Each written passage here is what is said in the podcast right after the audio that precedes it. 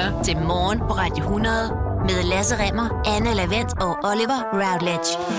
Og tak, fordi du gør det. Du lytter til ugen på Radio 100, eller morgen på, eller ugen på, eller morgen på Radio 100, ugen der, eller ugen... Ugens udvalgte, ugen- ja. Ja, tak. Ja. Det er det. Sådan er jeg altid. Jeg prøver at finde på en ny titel. Vi Fedt valg. Godt dig. på Radio 100, The Podcast. Ja, ja. den kan jeg også godt lide. Kunne det er noget måske? Jo, fordi det lyder som, når kloven laver film. Ja, ja, ikke? lige præcis. Så det er morgen på Radio 100, kolon, The Podcast. Og så kan den kun høres i de største biografer i Danmark. Ja, det, så det skal man gøre. Ja. Du kan lige tage hovedtelefonerne på, lige når filmen er begyndt. Hvis du undrer dig over, at der er nogle øh, klip i den her uge, der måske lige er et minut eller to kortere, end hvad de plejer at være, så er det simpelthen fordi, at øh, i torsdags, altså den 20. august, der sendte Anna og jeg alene. Ja. Og så bliver det lidt kortere, siger du. Men du kan også høre på det her tidspunkt, hvor vi taler sammen lige nu. Der er en grund til, at jeg blev hjemme. Og det er, at jeg har en stemme, som er cirka en oktav fra kun at kunne høre sig hunde. Ja. Og du er sikker på, at det ikke bare er, fordi din stemme nu har givet lidt op, fordi den, du har brugt den Du for har brugt den virkelig meget. Ja. Det eneste, vi kan være sikre på, det er, at i en alder af 48, så er det ikke, fordi den er gået i overgang. Nej, Det er ikke Det det vil- derfor i hvert fald. det ville være super mærkeligt. God fornøjelse med den, og tak fordi du lytter. Ja, tak for det. God fornøjelse. Jeg tænker, at I har haft øh, travle weekender hver især. Oliver, ja. du har været i Nordjylland og spillet noget golf, og Lasse, du har været ude og optræde og ude og bade i nogle, noget fedtemøg og sådan lidt af hvert.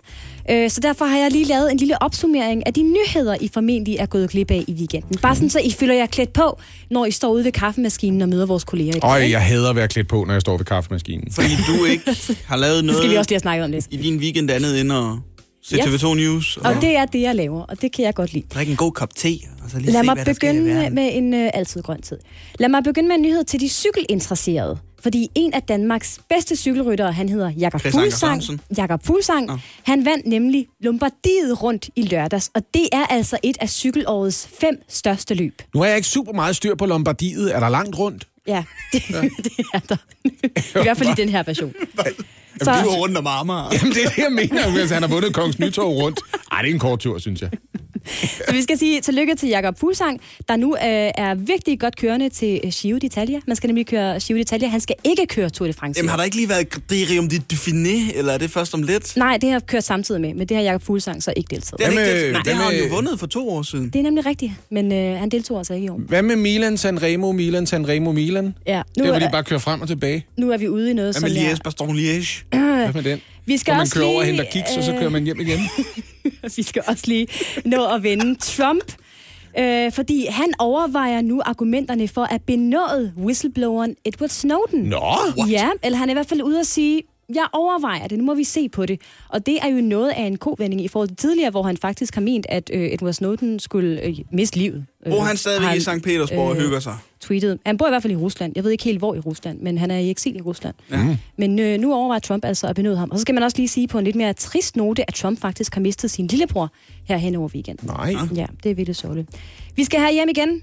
Ingen øh, weekend uden øh, kendisslader. Og i den her uge er det Dennis Knudsen, der har været det helt store samtaleemne. Og tak skal du have, Dennis, for det. Ja. Det trækker der lige noget opmærksomhed fra gammelfædre som mig, som også gerne vil have børn, for det er det, du mener, ikke? Det er nemlig lige præcis ja. det, jeg mener. Ja. Fordi Dennis Knudsen, han har jo fået et barn med en øh, rumor, lille Lukas, og nu skal Lukas have en lille søskende, eller rettere sagt, Lukas skal have en lille bror. Mm-hmm. Fordi det viser sig, at øh, Dennis Knudsen har været så privilegeret, at fordi han øh, får lavet det her barn i USA ved hjælp af en øh, rumor, så kan han selv bestemme kønnet på det her barn, og han har altså valgt, at øh, det skal være en dreng. Han skal have en dreng mere. Hvor er det en vild sætning. Han får lavet det barn i USA.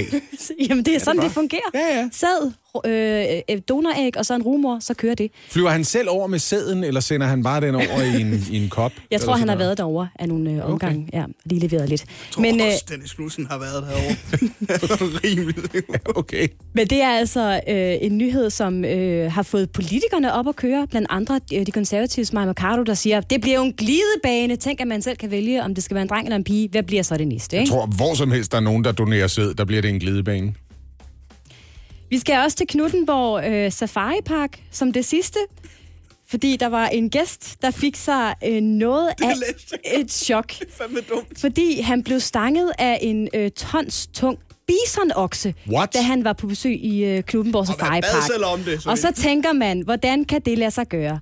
Jo, den her mand, han kører rundt i det område af parken, hvor man faktisk øh, kun må køre. Man må ikke forlade sin bil, fordi dyrene er farlige. Hvorfor gjorde han så det? Har så han med ud af bilen? Fordi der lå en bisonokse på vejen, så han kunne ikke komme forbi, og han ventede tålmodigt, og han blev træt af, at den der bisonokse bare lå der og ikke flyttede sig. Ja, det kunne jeg også have Så gjort. manden vælger at gå ud, Ja. og hvad der så sker er usikkert. Det er usikkert uvist, om han går hen og klapper, det man siger. Ja. Det er fordi manden har en historie, og bisonen har en helt anden historie. Præcis. Der er altid to sider. Der er også lidt i spil, øh, fordi det er, det, det er vidner, der har set. Det er også lidt i spil, om han faktisk har været hen og... Han har været hen og prøvet at skubbe til, det, Flyt dig! Flyt dig! til de her dyr. Ligesom når man prøver at sove med sin kæreste i en halvanden persons seng, ikke? Kan lige, lige, Er der ikke lidt mere plads? du kan ikke fylde så meget. Fordi det vejer, det vejer flere tund. Øh, sådan en piser nok. Han prøver at gå hen og skubbe til. Flyt dig! Flyt dig, sagde jeg. Det er virkelig dumt. Men kom han galt afsted? Nej, fordi det, det, han, er ikke, han er ikke selv... Han har ikke selv sig til parkens væb. Sorry. Ej, jeg synes, det er, det er en super god debut, det der, hvor du fortæller som ting, vi har overset i løbet af weekenden. Jeg synes, det Det kører er så godt. kun baseret på vidne. Det skal vi gøre hver mandag, det her. Det kan jeg godt mærke. Og der skal være dyr. Det er vidner, så det, manden har ikke... Der er bare nogen, der har sagt, jeg så en mand Ja, skubbe til en bison Tak, også. Lasse. Der er flere, der har set det. Men han har, ikke, han har ikke selv henvendt sig til Safari-parken. skal du altid lige gøre. Når du forlader Knuttenborg, skal du lige sige, prøv lidt længere tilbage. Jeg så en mand øh, skubbe til... Hvad er det, den hedder, skat? Hedder den en stor ko, eller hvad hedder den? En eller anden. Den lå i hvert fald den lå helt stille. Og han skubber, han skubber, og så skubber den tilbage. Det vil jeg bare lige sige til Han har kørt fra Knuttenborg Safari Park uden at henvende sig til personalet, så man, man antager, at han ligesom er okay. Ja, han har jo tabt den kamp, ikke? Ja, han har ikke lyst til at altså. prale af det. Præcis. Jeg har ikke mere. Det var en ren fornøjelse, det her. Ja, tak skal du have. Rigtig godt. Bortset fra det der med Trump, der har mistet. Ja, det var ikke så Ja, det var ikke så fedt. Fra i dag, mandag og helt frem til søndag, skal vi fejre mangfoldighed og seksualitet. Der er nemlig Copenhagen Pride Week. Ja, en uge, som altid får stor opmærksomhed, specielt på grund af det store optog, som går gennem København, og som har været et fast symbol for Pride'en siden 1996. Men ligesom så meget andet i samfundet, så bliver Pride'en altså ikke helt, som vi kender den i år. Godmorgen, Lars Henriksen. Du er forperson for Copenhagen Pride Week. Ja. Hvor- Hvordan bliver Pride'en anderledes i år? Jamen, Pride bliver først og fremmest anderledes, fordi vi selvfølgelig er nødt til at overholde de forsamlingsrestriktioner, der er.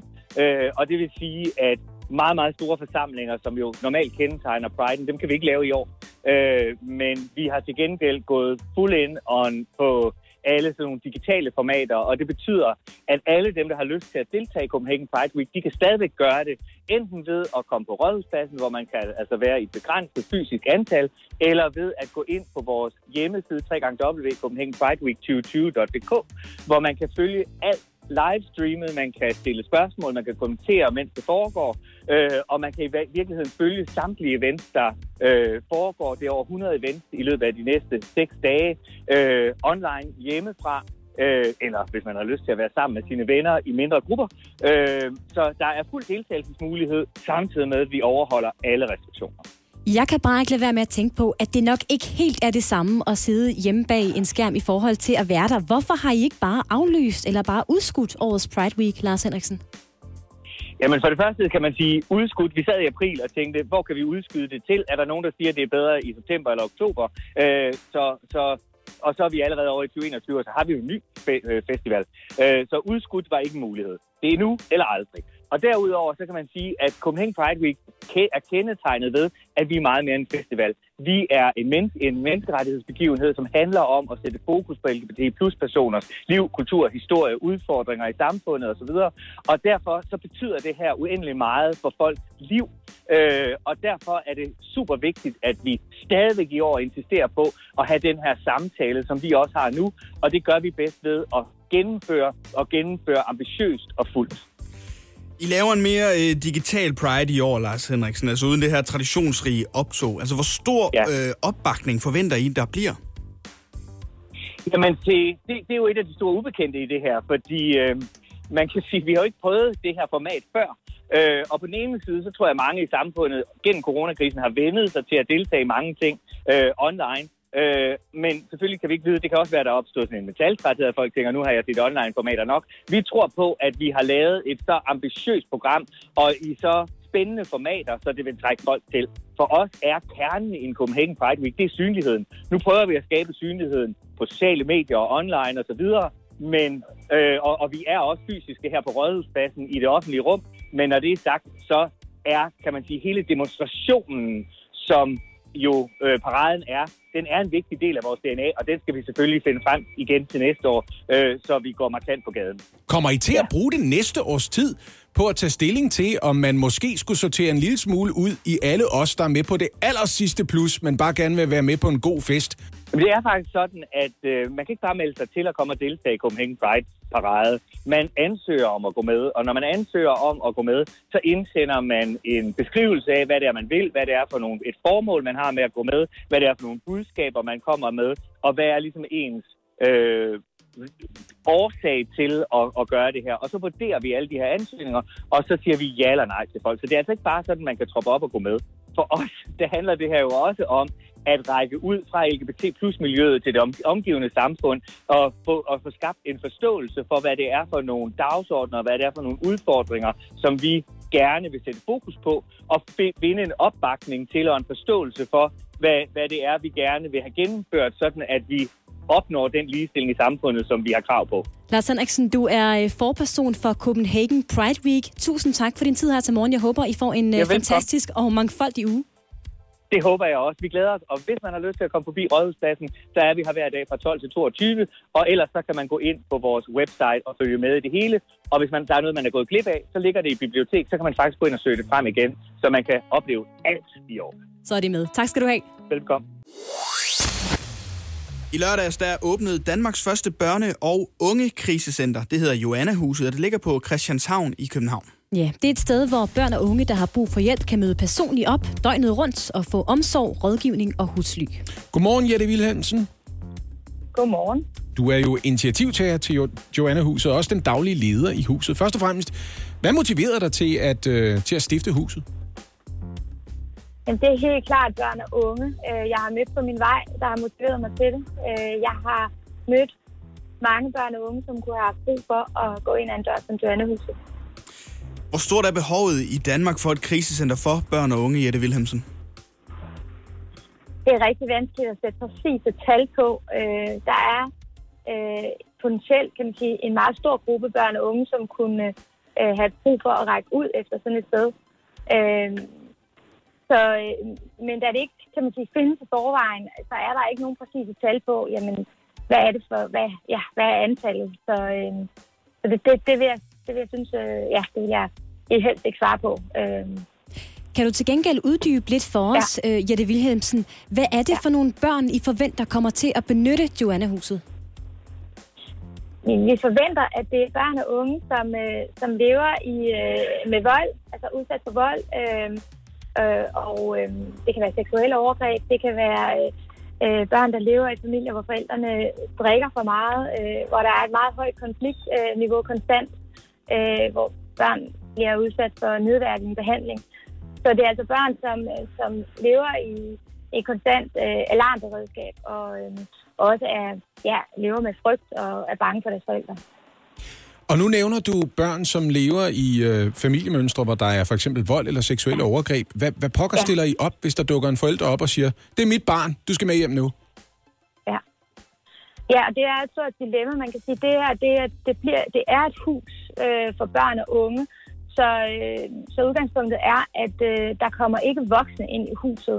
Og det betyder jo så ikke, øh, at, nej, at der ikke kan komme en forælder og, og, og ringe på. Og, og der må vi jo, kan man sige, gå i dialog med den her forælder, og så er det i de situationer, at vi også må involvere øh, de sociale myndigheder og politiet, som har bemyndigelse til også at gå, gå ind i, øh, i arbejdet med forældrene, for det vil vi ikke have på det sted. Jette Wilhelmsen, når børn og unge de så ankommer til Joanna-huset, hvad er det så for nogle personer, de møder her i Joanna-huset? I Joanna-huset vil de møde øh, øh, både øh, uddannede øh, fagpersoner, øh, og de vil også møde øh, frivillige, som har meget forskellig baggrund. Øh, og så vil de møde øh, studerende, som er i gang med at, at læse til enten socialrådgiver, psykolog, øh, øh, læge eller pædagog og lærer. Så, så det, er, det er nogle meget forskellige voksne, der er i huset, og vi tænker, at det også afspejler de børn og unge, som kommer til os, som også vil være forskellige og vil have brug for at spejle sig i noget forskelligt. Jeg håber, I kan hjælpe en masse børn, der har brug for det. Jette Wilhelmsen, du er altså initiativtager til Joanna-huset, der åbnede i lørdags. Tusind tak for din tid her i morgen på Radio 100. Tak for det. Prøv her, øh, jeg så det her famøse pressemøde i lørdags, hvor Mette Frederiksen hun sagde, vi skal alle sammen til at bære mundbind i offentlig transport fra på lørdag. Man skal lige have tid til at kunne købe det, og butikkerne skal øh, følge med osv. Og så var der en af journalisterne, Brian Weikhardt fra Ekstrabladet, der rakte en hånd op, og så spurgte han, Prøv at vi har fået at vide, at det er utrolig vigtigt, at man øh, tager mundbindet rigtigt på, fordi det kan sidde forkert, og man kan øh, svine det til allerede inden man tager det på. Det må ikke røre ved de forkerte ting. Man skal helst bruge en anden persons fingre. Og Præcis. Han er noget af en slagterhund, ham Brian Ja, Weikart. han Man er godt altså. klar over, når han stikker hold- lappen i vejret, Øh, så, så- sidder alle øh, politikerne og tænker, åh, oh, ikke ham." Brian, nu er det Ja. Brian igen. Jeg ved ikke, om Brian han har set mig fredag eftermiddag i toget, men jeg fandt også ud af, da jeg kiggede på de andres mundbind, at mit, det vendte forkert. Ja, det skal sidde på tværs, Oliver. Men det var, det var det, som Brian Weikart gerne lige ville have politikerne til at demonstrere, om de kunne finde ud af at sætte et mundbind rigtigt på. Men ved I, hvad der så sker? Vores allesammens Søren Brostrøm, Brostrøm, han har selvfølgelig et mundbind med. Han er beredt. Så op ad lommen, så hiver han et mundbind, og så er han ellers klar til at demonstrere. Den korrekte, det er, at man skal holde det i elastikkeren. Man har spritet sine hænder af før eller efter. Det her det er en Sundhedsstyrelsens øh, lille brandede håndsprit. Og så tager man på og sætter den bag ørerne. Og det er klart, det ser elegant ud, når jeg gør det, fordi jeg har 20 års erfaring. Og det er jeg godt klar over, at andre ikke har. Så jeg tror bare, at vi alle sammen skal arbejde på sagen, Brian. Og jeg noterede mig undervejs, at du ikke hostede øh, efter Sundhedsstyrelsens retningslinjer, så det kan jeg lige vise dig bagefter. Og det er også, han havde ikke, prøv at høre, han havde jo heller ikke rigtig garderet sig imod, at Søren Brostrøm står der. Han havde håbet på at Ja. yeah. Nick Hækkerup eller Magnus Heunicke mm. eller en eller anden klok rundt i noget, eller sige, jeg har faktisk ikke et på mig, eller sådan noget. Præcis. Han har haft et øjeblik så. De æder med med heldige, ikke bare, men han har også lige et stofmundbind i lommen. Det skal også lige siges, jeg kiggede lige på det her for at sikre mig, at vi kunne øh, illustrere det. Ja. Altså, han er ret omhyggelig med illustrationerne, og man rører kun ved elastikkerne, man må ikke røre ved selv med mundbindet, og så kan man tage det af, hvis man taler med nogen, der mundaflæser. Ja. Hold nu kæft, han regner også med, at der er spioner, der skal bruge mundbind åbenbart, ikke? Lige præcis. Men prøv at høre, det her pressemøde, og måske også øh, Søren Brostrøms demonstration her, fik simpelthen os alle sammen til at gå amok. Fordi, guess what? Kan I gætte, hvad der skete efter det her pressemøde? Nej. Vi gik ud og købte mundbind, Nå, vi hamstrede. som ja, vanvittigt. vi gjorde, Ah, selvfølgelig gjorde ja. vi det. Lige ja, ja, præcis. Øhm, Coop, som øh, ejer en masse dagligvarerbutikker, og blandt øh, andre Fakta og Kvickly, fik øh, 1,3 millioner mundbind hjem lørdag. De blev alle sammen udsolgt inden for et døgn. Det er fuldstændig vanvittigt. Det var måske også derfor, Nick Hækkerup stod der, fordi det bliver under Justitsministeriet, at den der nye styrelse, som regeringen varslede tilbage i maj, kommer til at ligge. Den, der hedder Styrelsen for Forsyningssikkerhed. Ja. Og det handler jo ikke bare om værnemidler, det kommer også til at handle om alle mulige andre ting. Ikke? Havner vi i en katastrofesituation, så skal vi helst kunne få nogle basmati ris et eller andet sted. Ikke? Og det er Nick Hækkerup, man ringer til, hvis man ikke kan få ris. Hvis man mangler Så kan man lige sige, prøv at høre, de har kun jasminris. Hvad skal jeg bruge dem til? Præcis. Det smager nu også meget dejligt. Ja. Men prøv at høre, øh, det her øh, kæmpe salg af mundbind har fået Coop til at gå ud og sige, prøv at høre, I behøver ikke alle sammen gå ud og købe mundbind.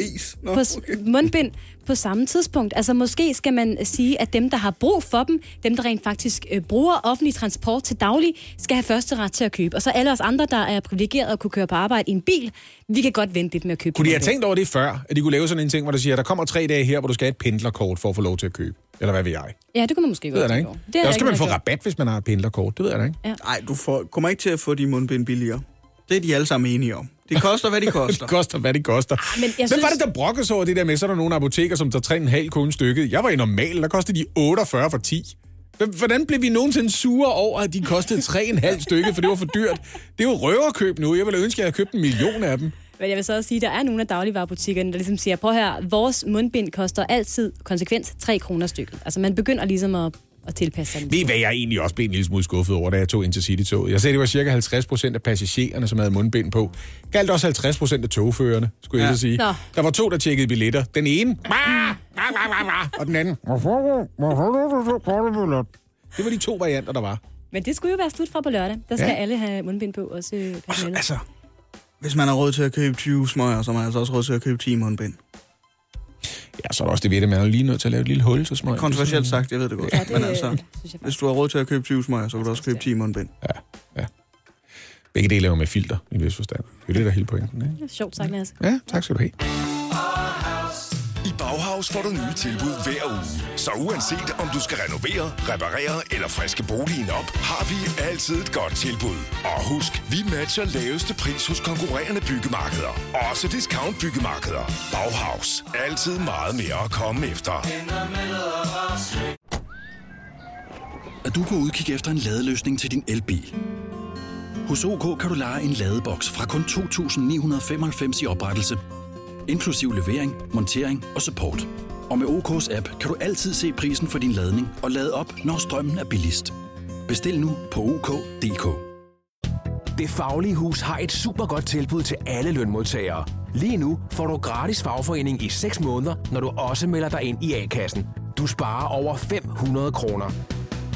Meld dig ind på detfagligehus.dk. Danmarks billigste fagforening med A-kasse for alle. Du vil bygge i Amerika? Ja, selvfølgelig vil jeg det. Reglerne gælder for alle. Også for en dansk pige, som er blevet glad for en tysk officer. Udbrændt til kunstner. Det er jo sådan, at de har tørt, han ser på mig. Jeg har altid set frem til min sommer. Gense alle dem, jeg kender. Badehotellet den sidste sæson. Stream nu på TV2 Play. Godmorgen. Det her er Radio 100 med Lasse Remmer, Anne Lavendt og Oliver Routledge. Vi skal til USA. Jeg ved ikke, hvorfor jeg synger det. Jeg er blevet ligesom min mor. Hun synger også ting en gang imellem, når hun er i godt humør.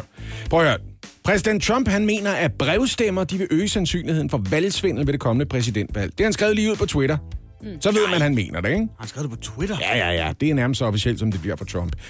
Øh, den udmelding har tilspidset en hård politisk strid op mod præsidentvalget, fordi ved valget i 2016, der var det faktisk allerede hver fjerde amerikaner, der brevstemte. Altså blandt dem, der stemte. Og vildere endnu, det svarer til hver tredje amerikaner, der har lov til og mulighed for at brevstemme. Så det er i forvejen kæmpestort. Ja, det er 76 procent af amerikanerne, der må brevstemme, og af dem er det altså hver tredje, der har valgt Jamen, at gøre det i 2016. Hvorfor brev? Altså, hvorfor, hvorfor er det så populært? Det er der ikke så mange, der brevstemmer herhjemme. Nej, men jeg skal nok prøve at forklare dig, øh, hvorfor det er så populært i USA. I Danmark der er der altså også en stigende tendens til, at vi stemmer i god tid øh, per brev, men det er cirka hver 11. der gjorde det ved det seneste folketingsvalg. Det er slet ikke lige så populært i Danmark. Det har måske også noget at gøre med, at transportafstanden er lavere osv. Prøv at høre. Nu skal jeg lige forklare, hvorfor det her det er en strid mellem republikanerne og demokraterne. Hvorfor brevstemmer er blevet så vigtige. Mm. Republikanerne de har sådan den helt generelle erfaring. Det gælder ikke altid, men oftere end ikke at jo lavere stemmeprocenten er, jo større er sandsynligheden for, at det er den republikanske kandidat, der vinder. Og det har lidt noget at gøre med, at de aller sidste stemmer, der bliver tilføjet, når stemmeprocenten stiger og stiger, dem, der kommer sidst ind og stemmer, det er typisk dem, der har et presset arbejdsliv. De har brug for at have to-tre lavt lønnede jobs for at få tingene til at hænge sammen. Måske er de også svære ved at øh, øh, transportere sig selv rundt. De har brug for at komme med bus og tog, fordi de ejer ikke en bil. Det er de ikke rige nok til. Og den slags fattige amerikanere, de er generelt set mere tilbøjelige til at stemme på demokraterne. Ja. Så derfor så kan det være, at de beslutter i god tid. Jeg er ikke sikker på, at jeg kan nå at stemme inden for øh, den tid, hvor valgstedet har åbent på selve dagen. Jeg brevstemmer i god tid en dag, hvor jeg har fri. Så ved jeg, at min stemme bliver hørt. Og dem er republikanerne ikke interesseret i, kommer til at stemme. Så der har været en masse togtrækkeri gennem årene om, hvordan kan de to partier sørge for, at deres egne stemmer øh, har bedst mulighed for at blive hørt, mens de andre har det sværest ved at stemme. Og det er noget lumpen fiksfakseri at gå i gang med. Men jeg har da læst, at demokraterne ønsker, at flere skal brevstemme i år i USA. Altså, hvorfor det? Ikke bare flere skal brevstemme. Alle skal brevstemme, mener demokraterne groft sagt. Okay. Det har noget at gøre med corona. Så som hovedregel mener de, at alle skal opfordres til at gøre det på den sikrest mulige måde. Og det betyder jo også i praksis, Smart. at der er muligvis en sandsynlighed for en større andel demokratiske stemmer, og en større stemmeprocent i det hele taget, hvis man fra starten siger, at det her det gælder alle. Men hvad tænker Trump så om det? Se, Trump han er ikke begejstret for det. Det er, Nej, det er han ikke. tænker, Han, ah. han er ikke begejstret for det. Han har jo decideret både snakket om det der med, at hey, der er bare mere valgsvindel med de der øh, øh, brevstemmer. Men han mener også, det har han sagt lige ud på Twitter, at hvis alle skal brevstemme ved præsidentvalget, så vil det gøre USA til grin i hele verden. Det ligner jo ikke et valg, nogen kender noget til. Var det pinligt, ikke kan finde ud af at holde Fordi et rigtigt valg, hvor man kan få lov til at møde op. Ikke? Åbenbart. Hvem ved med Trump nogle gange? Han siger bare, vi vil være til grin, har vi lyst til at være til grin? Mens andre muligvis vil sige, er det vigtigt, hvad andre tænker om os, Trump? Ja. Det forstår jeg ikke helt, det her. Det er vigtigt for Trump. Så han har gjort en del for at bremse det her. Han har for eksempel gjort det, at han har udpeget en af sine egne valgstøtter, som bidrog med en masse penge ved hans kampagne i 2016. Han har placeret ham som direktør for det amerikanske postvæsen, som det, der hedder Postmaster General. Han er blevet chef for det, der i Danmark Vi hedde PostNord. Det har han bare kun indsætte, fordi det er et offentligt embede i USA. Ikke? Derudover så har han forhindret coronastøtte til det amerikanske postvæsen, som ellers skulle sørge for, at de fortsat ville kunne leve op til en historisk garanti, som de altid har været i stand til at tilbyde, nemlig at man for en ret lav porto kan regne med, at ens brev bliver bragt ret hurtigt ud. Det har vi jo opgivet i Danmark. Der kan du betale 60 kroner for at håbe på, at dit brev når frem inden for en måned. Han er i gang med at sabotere postvæsenet, Ja, så det kommer til at sagt. Han har, fald, PostNord. han har diskret sørget for, at det ikke kører så super godt. Men det ved demokraterne vel godt, han ja, har gang det ved i de det her. godt, han er gang i, så det prøver de at bremse. Nancy Pelosi, den øh, benhårde, men efterhånden noget ældre kvinde. Hun er ved at være omkring de 80, ikke? Hun er formand for Demokraterne i repræsentanternes hus. Hun arbejder så modsat for en hastelov, som simpelthen overordnet set skal garantere, at postvæsenet fremover leverer den samme service, som amerikanerne historisk har været vant til. Det er altså en kompliceret måde at gøre tingene på. Samtidig er demokraterne enormt optaget af at sige lige for øjeblikket, hvis du brevstemmer, så behøver du ikke engang bruge porto på det. Hvis du synes, det er for mange penge, eller det er for besværligt at finde en postkasse. Mm. Du kan brevstemme og bare gå ned og aflevere det ved dit valgsted, eller for eksempel på et amtskontor, et county office eller et andet sted. Så de er gøre mulighed det for. så let som muligt. De vil jo gerne køre en kampagne, der handler om, hey, det her det er enkelt, alle kan finde ud af det, du har nem adgang til det. Ikke? Det er vildt, at brevstemmer skulle gå hen og blive det, man kæmper om. Men det er altså virkelig en varm kartoffel i USA lige for øjeblikket.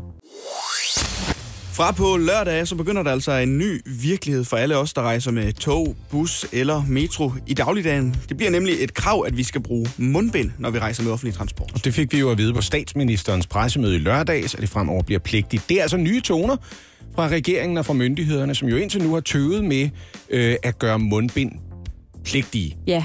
Godmorgen, Jens Lundgren, Godmorgen. professor i infektionssygdomme ved Rigshospitalet. Hvad er din umiddelbare reaktion på det her nye mundbindskrav i offentlig transport? Giver det mening? Ja, forstået på den måde, at øh, vi har jo den her virus i samfundet, øh, og, og brug af mundbind sammen med en hel masse andre ting gør, at vi kan reducere smittespredningen. Øh, så på den konto, øh, ja. Og det er jo noget, vi skal lære at leve med også øh, i længere tid. Så jeg tror, vi skal bruge de øh, redskaber, som vi har, øh, og bruge dem effektivt. Jens Lundgren, Danmark har jo tøvet lidt med at tage mundbind i brug øh, i forhold til andre lande, fordi der har manglet evidens for effekten, sagde man. Hvad ved vi i dag om effekten af at, at bruge mundbind? Betydeligt mere, end hvad vi vidste i foråret. Øhm, og det har også gjort, at øh, den øh, videnskabelige øh, bevisbyrde, kan du kalde det, som der ligger til grund for anbefalingerne, er blevet meget, meget bedre nu. Øh, så så vi, er, vi står på et bedre sted nu, øh, og de anbefalinger, som øh, der kommer nu, og de måske også krav, der kommer nu, øh, er udtryk for, at øh, videnskaben har leveret. Men er der ikke en risiko for, at vi så bliver mindre opmærksom på altså de også vigtige ting som håndhygiejne og afstand, når vi bærer det her mundbind? Nej, det er meget vigtigt at understrege, at mundbind det skal ses som et supplement til de andre ting, som vi har øh, lært os, øh, at vi skal gøre under den her pandemi. Så det skal ikke ses som en erstatning, men som et supplement. Og det er selvfølgelig vigtigt, at folk øh, de vender sig til det her. Det har man gjort i andre lande øh, for flere måneder siden, øh, og, og det skal vi så til at gøre nu også i Danmark. Altså, øh, kollektiv transport er jo et sted, hvor vi befinder os tæt på andre mennesker i et lukket rum. Hvad er sandsynligheden for, at det her det udvides til andre situationer, hvor vi er tæt på hinanden? Et sted, hvor der ikke er så meget luftcirkulation? Ja, men det er der nok en relativt høj sandsynlighed for. Så fremt, øh, at vi ser, at der sker en acceleration af smittespredning i samfundet, så vil det være et, øh, en, øh, et ekstra mulighed, vi har for at inddæmme smittespredningen. Øh, men øh, det må vi tage, når det kommer. Øh, fordi jeg håber jo, at det ikke bliver nødvendigt, kan man sige. Øh, men øh, muligheden er der, og vi ser jo ind i en vinter, øh, hvor øh, sandsynligheden for smittespredning alt andet lige er større, end den er nu. Og hvis vi nu ser en, en smittespredning, der desværre fortsætter med at gå i den gale retning, hvor vil det så være effektfuldt at anbefale eller ligefrem øh, påkræve de her mundbind ud over i offentlig transport? Jeg tror, I, I nævnte det selv i det spørgsmål lige før, at øh, det er i rum, øh, øh, hvor der er mange mennesker, der kommer. Øh, og vi kender det jo allerede nu fra øh, øh, øh, forretninger, øh, øh, steder, hvor folk de samler sig indenfor. Øh, Og man kan da også godt forestille sig, øh, måske, øh, hvis man skal trods alt gå ud og se en fodboldskamp, at man måske skal have et øh, mundbind på. Jeg skulle med toget to gange i sidste uge. Øh, fire i virkeligheden frem og tilbage. De kostede næsten 5 kroner stykket, de indgangsmundbind, jeg var i nærheden af. Hvis jeg nu vil købe sådan nogle stofmundbind, der kan vaskes dagligt, hvor mange skal jeg så have vasket om morgenen og have med i lommen, for at være sikker på, at jeg er nok til en hel dag? det ved jeg ikke. Det er lidt 3-4 stykker. Øhm, Det er noteret, og du. jeg- 3-4 stykker. Men jeg vil også øh, kommentere på prisen. Altså, produkt, produktionsprisen af det der indgangsmundbind, den ligger jo på mellem en krone og en anden. Ikke? Øh, Så, så hvis det koster fem, så er det jo fordi, at der ikke er nok konkurrence. Så, så prisen skal jo bare ned. Jens Holmgren, professor i infektionssygdom ved Rigshospitalet. Du skal have tak for din tid her til morgen. Velkommen. Er det mig, der bliver hånet her vores musikvalg, var? Fordi jeg kommer til at føle mig som en stupid man nu. Det kan vi godt blive enige om. Det synes jeg, jeg har gjort alt for ofte i den her quiz. Jeg plejer at elske quizzer, Oliver. Du har taget min glæde ved quizzer fra mig. Men jeg er klar igen. Jeg er klar igen. Klokken er blevet 8 minutter over 9 på en tirsdag, og det betyder, at jeg kan sige... Mit var her. Så godt imod jeres vært på jeres yndlingsquiz. Hvad det være? Her er Oliver Routledge. Bravo. Det er ham fra fodbold. Det Tak skal I have, tak skal I have. Ja. Der er meget, der står på spil. Ufattelig meget står på spil, faktisk. Jeg har på fornemmelsen, det godt kunne gå hen og blive en beskidt kamp med måske også beskidte knæ. Jeg ved det ikke. Stillingen i denne tirsdagens udgave af Hvad er det værd? er 1-1. Det er jo en fremragende score for holdånden her på vores lille morgenhold. Men jeg har også lidt på fornemmelsen, at den her holdånd, den er vendt på hovedet lige om lidt. Det er korrekt. Mm. Dagens produkt, det er hjemmelavet, som altså fremgår af de billeder, du kan lytte stadig kan finde på Instagram. Du skal finde vores profil, vi hedder Radio 100.dk, og oppe i vores story, der kan du altså se præcis, hvad det er, det handler om i dag. Lasse og Anne, hvad er jeres sådan umiddelbare kommentar til dagens produkt? 800 kroner. Min umiddelbare kommentar er, det er en hjemmelavet grill, mm. Som jeg ved ikke, det ligner, at den er blevet lavet ud af et gammelt oliefyr eller sådan noget. Okay. Jeg har Øhm, egentlig brug for at vide, hvad er kapaciteten? Altså, Nå, øh, hvor mange kan man bespise med den? Jamen, jeg kan sige så meget, at det er Jens, som sælger sin hjemmelavede grill, og tidligere på morgen, mens I to I var ude af studiet, så ringede jeg til Jens for at spørge ham lidt nærmere ind til hans øh, hjemmelavede grill, så hvis I kunne tænke jer lidt øh, yderligere, yderligere information om denne lækre hjemmelavede sag, så synes jeg lige, du skal prøve at trykke på den knap lige der, Lasse. For at finde dagens sælger, så skal vi en tur til Ribe og tale med Jens. Godmorgen, Jens. Godmorgen. Jens, du har sat øh, din grill til salg, din hjemmelavede grill. Først og fremmest, Jens, hvorfor skal den her sælges? Jamen, øh, jeg blev inspireret til at lave den øh, igennem et tv-program, og så skulle jeg bruge den til en sommerfest, og nu havde den udtjent det, jeg skulle bruge den til. Så tænkte jeg, at andre skulle have gavn af den. Men Jens, hvorfor har du selv valgt at bygge sådan en stor grill? Altså, hvad har du, hvad har du selv brugt den her til? Jeg har øh, lavet en helt stik ged. En helt stegt ged, okay. Ja. Hvor mange øh, arbejdstimer har du lagt i den, vil du sige, Jens? Jeg har lagt øh, 10-12 timer i den. Nu siger du, du har lavet en helstegt øh, ged på den, Jens. Jeg er jo selv fra Jylland, så jeg er ret interesseret i at vide, vil man kunne lave en helstegt pattegris på den her grill? Det kan man helt sikkert. Det kan man godt? Øh, ikke på spyd, fordi det er den ikke bred nok til, men øh, der kan godt ligge en hel gris an. Er det her noget, er det, er det en ny forretningsmodel for dig, det her? Du har tænkt dig at lave griller, så sælge dem videre, eller er det en, en once in a lifetime øh, ting, der, der er til salg her? Altså, jeg har remedierne til at lave to mere. Okay. Øh, så, så der kommer helt sikkert to mere. Men, men ellers så generelt, så min, min forretningsplan, det er upcycling. Der er noget med, øh, med grillresten også. Altså, det er jo nærmest en, øh, en styrketræning at løfte den grillrest. Altså, hvad vejer den? Jamen, godt og vel 50 kilo. Så den kan også sagtens holde til en masse ting, den her grill. Okay. Og så og det... når man først har varmet den op, så kan man jo grille på den i en time uden at have ild under. Er det rigtigt? Jamen, det tror jeg. Den der grill, den, øh, resten, den er massiv. Den er simpelthen så tung. Og så er den lavet af olietønder. Kæmpe store olietønder. Er det rigtigt forstået? Ja, 1200 liters olietank.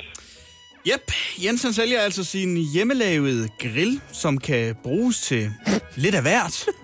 Jeg elsker ham som sælger. Han understreger også det risikable ved at købe hjemmelavede varer, der ikke kommer fra et firma. Når han for eksempel siger, Når du først har varmet den op, så kan du grille på den i en time. Så siger du, er det rigtigt? Ja, det tror jeg.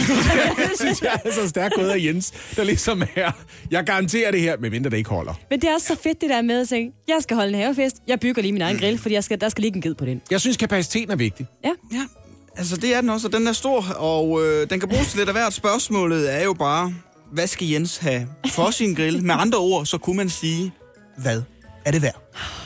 Ja, jeg startede med bare at råbe 800 kroner, før jeg havde set andet end et billede. Og jeg kan da godt se nu, at det er sådan, hvis kun brugt en enkelt gang til en ged. Ikke? Men Jeg har nok, aldrig hørt om helt nok så væsentligt, Det så er det jo, Altså, der er jo rigtig mange mennesker, som vil have sådan en oplevelse af, hvis vi skal grille til rigtig mange, Ja. så kan vi ikke bare bruge sådan en lille kuglegrill eller en gasgrill, vi er nede og købe i et byggemarked. Så den kan noget særligt, og jeg tror faktisk 800 kroner er lavt sat. Vi skal også sørge for en timeløn til Jens ud Han har over brugt materialer. 10-12 timer på det, sagde han. Så jeg øh, har pludselig opjusteret mit bud til, også fordi på de der medier, der skal man have lidt at handle med. Ikke? Man skal have lidt at give af. Yes. Jeg er oppe at sige 1625 kroner. Øj, det synes jeg lyder møg. Den, så meget vil jeg simpelthen ikke give for den her grill. Jeg synes, den er flot. Øhm, jeg tror, at køberskaren er en smule snæver. Jeg tror, at den her grill koster 1150 kroner. 1100?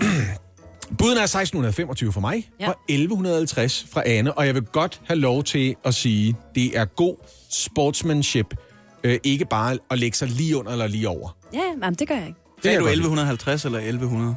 1150. 1150? Ja, der skal være lidt at handle med, ikke? Nej, du skal ikke sige Okay. igen, hun har ramt det spot on. Det gjorde jeg bliver jo sidste gang. Så ramte jeg jo prisen, altså Ja. spot on. Ja, Så irriteret, hvis hun gør det igen, mand. Fordi du siger, jeg skal bare lige høre, du sagde ikke 1100. Jamen Lasse, hvis du så prøver at trykke på den næste knap, mm-hmm. så kan vi jo alle sammen blive klogere. Jens, hvad er din hjemmelavede grill værd?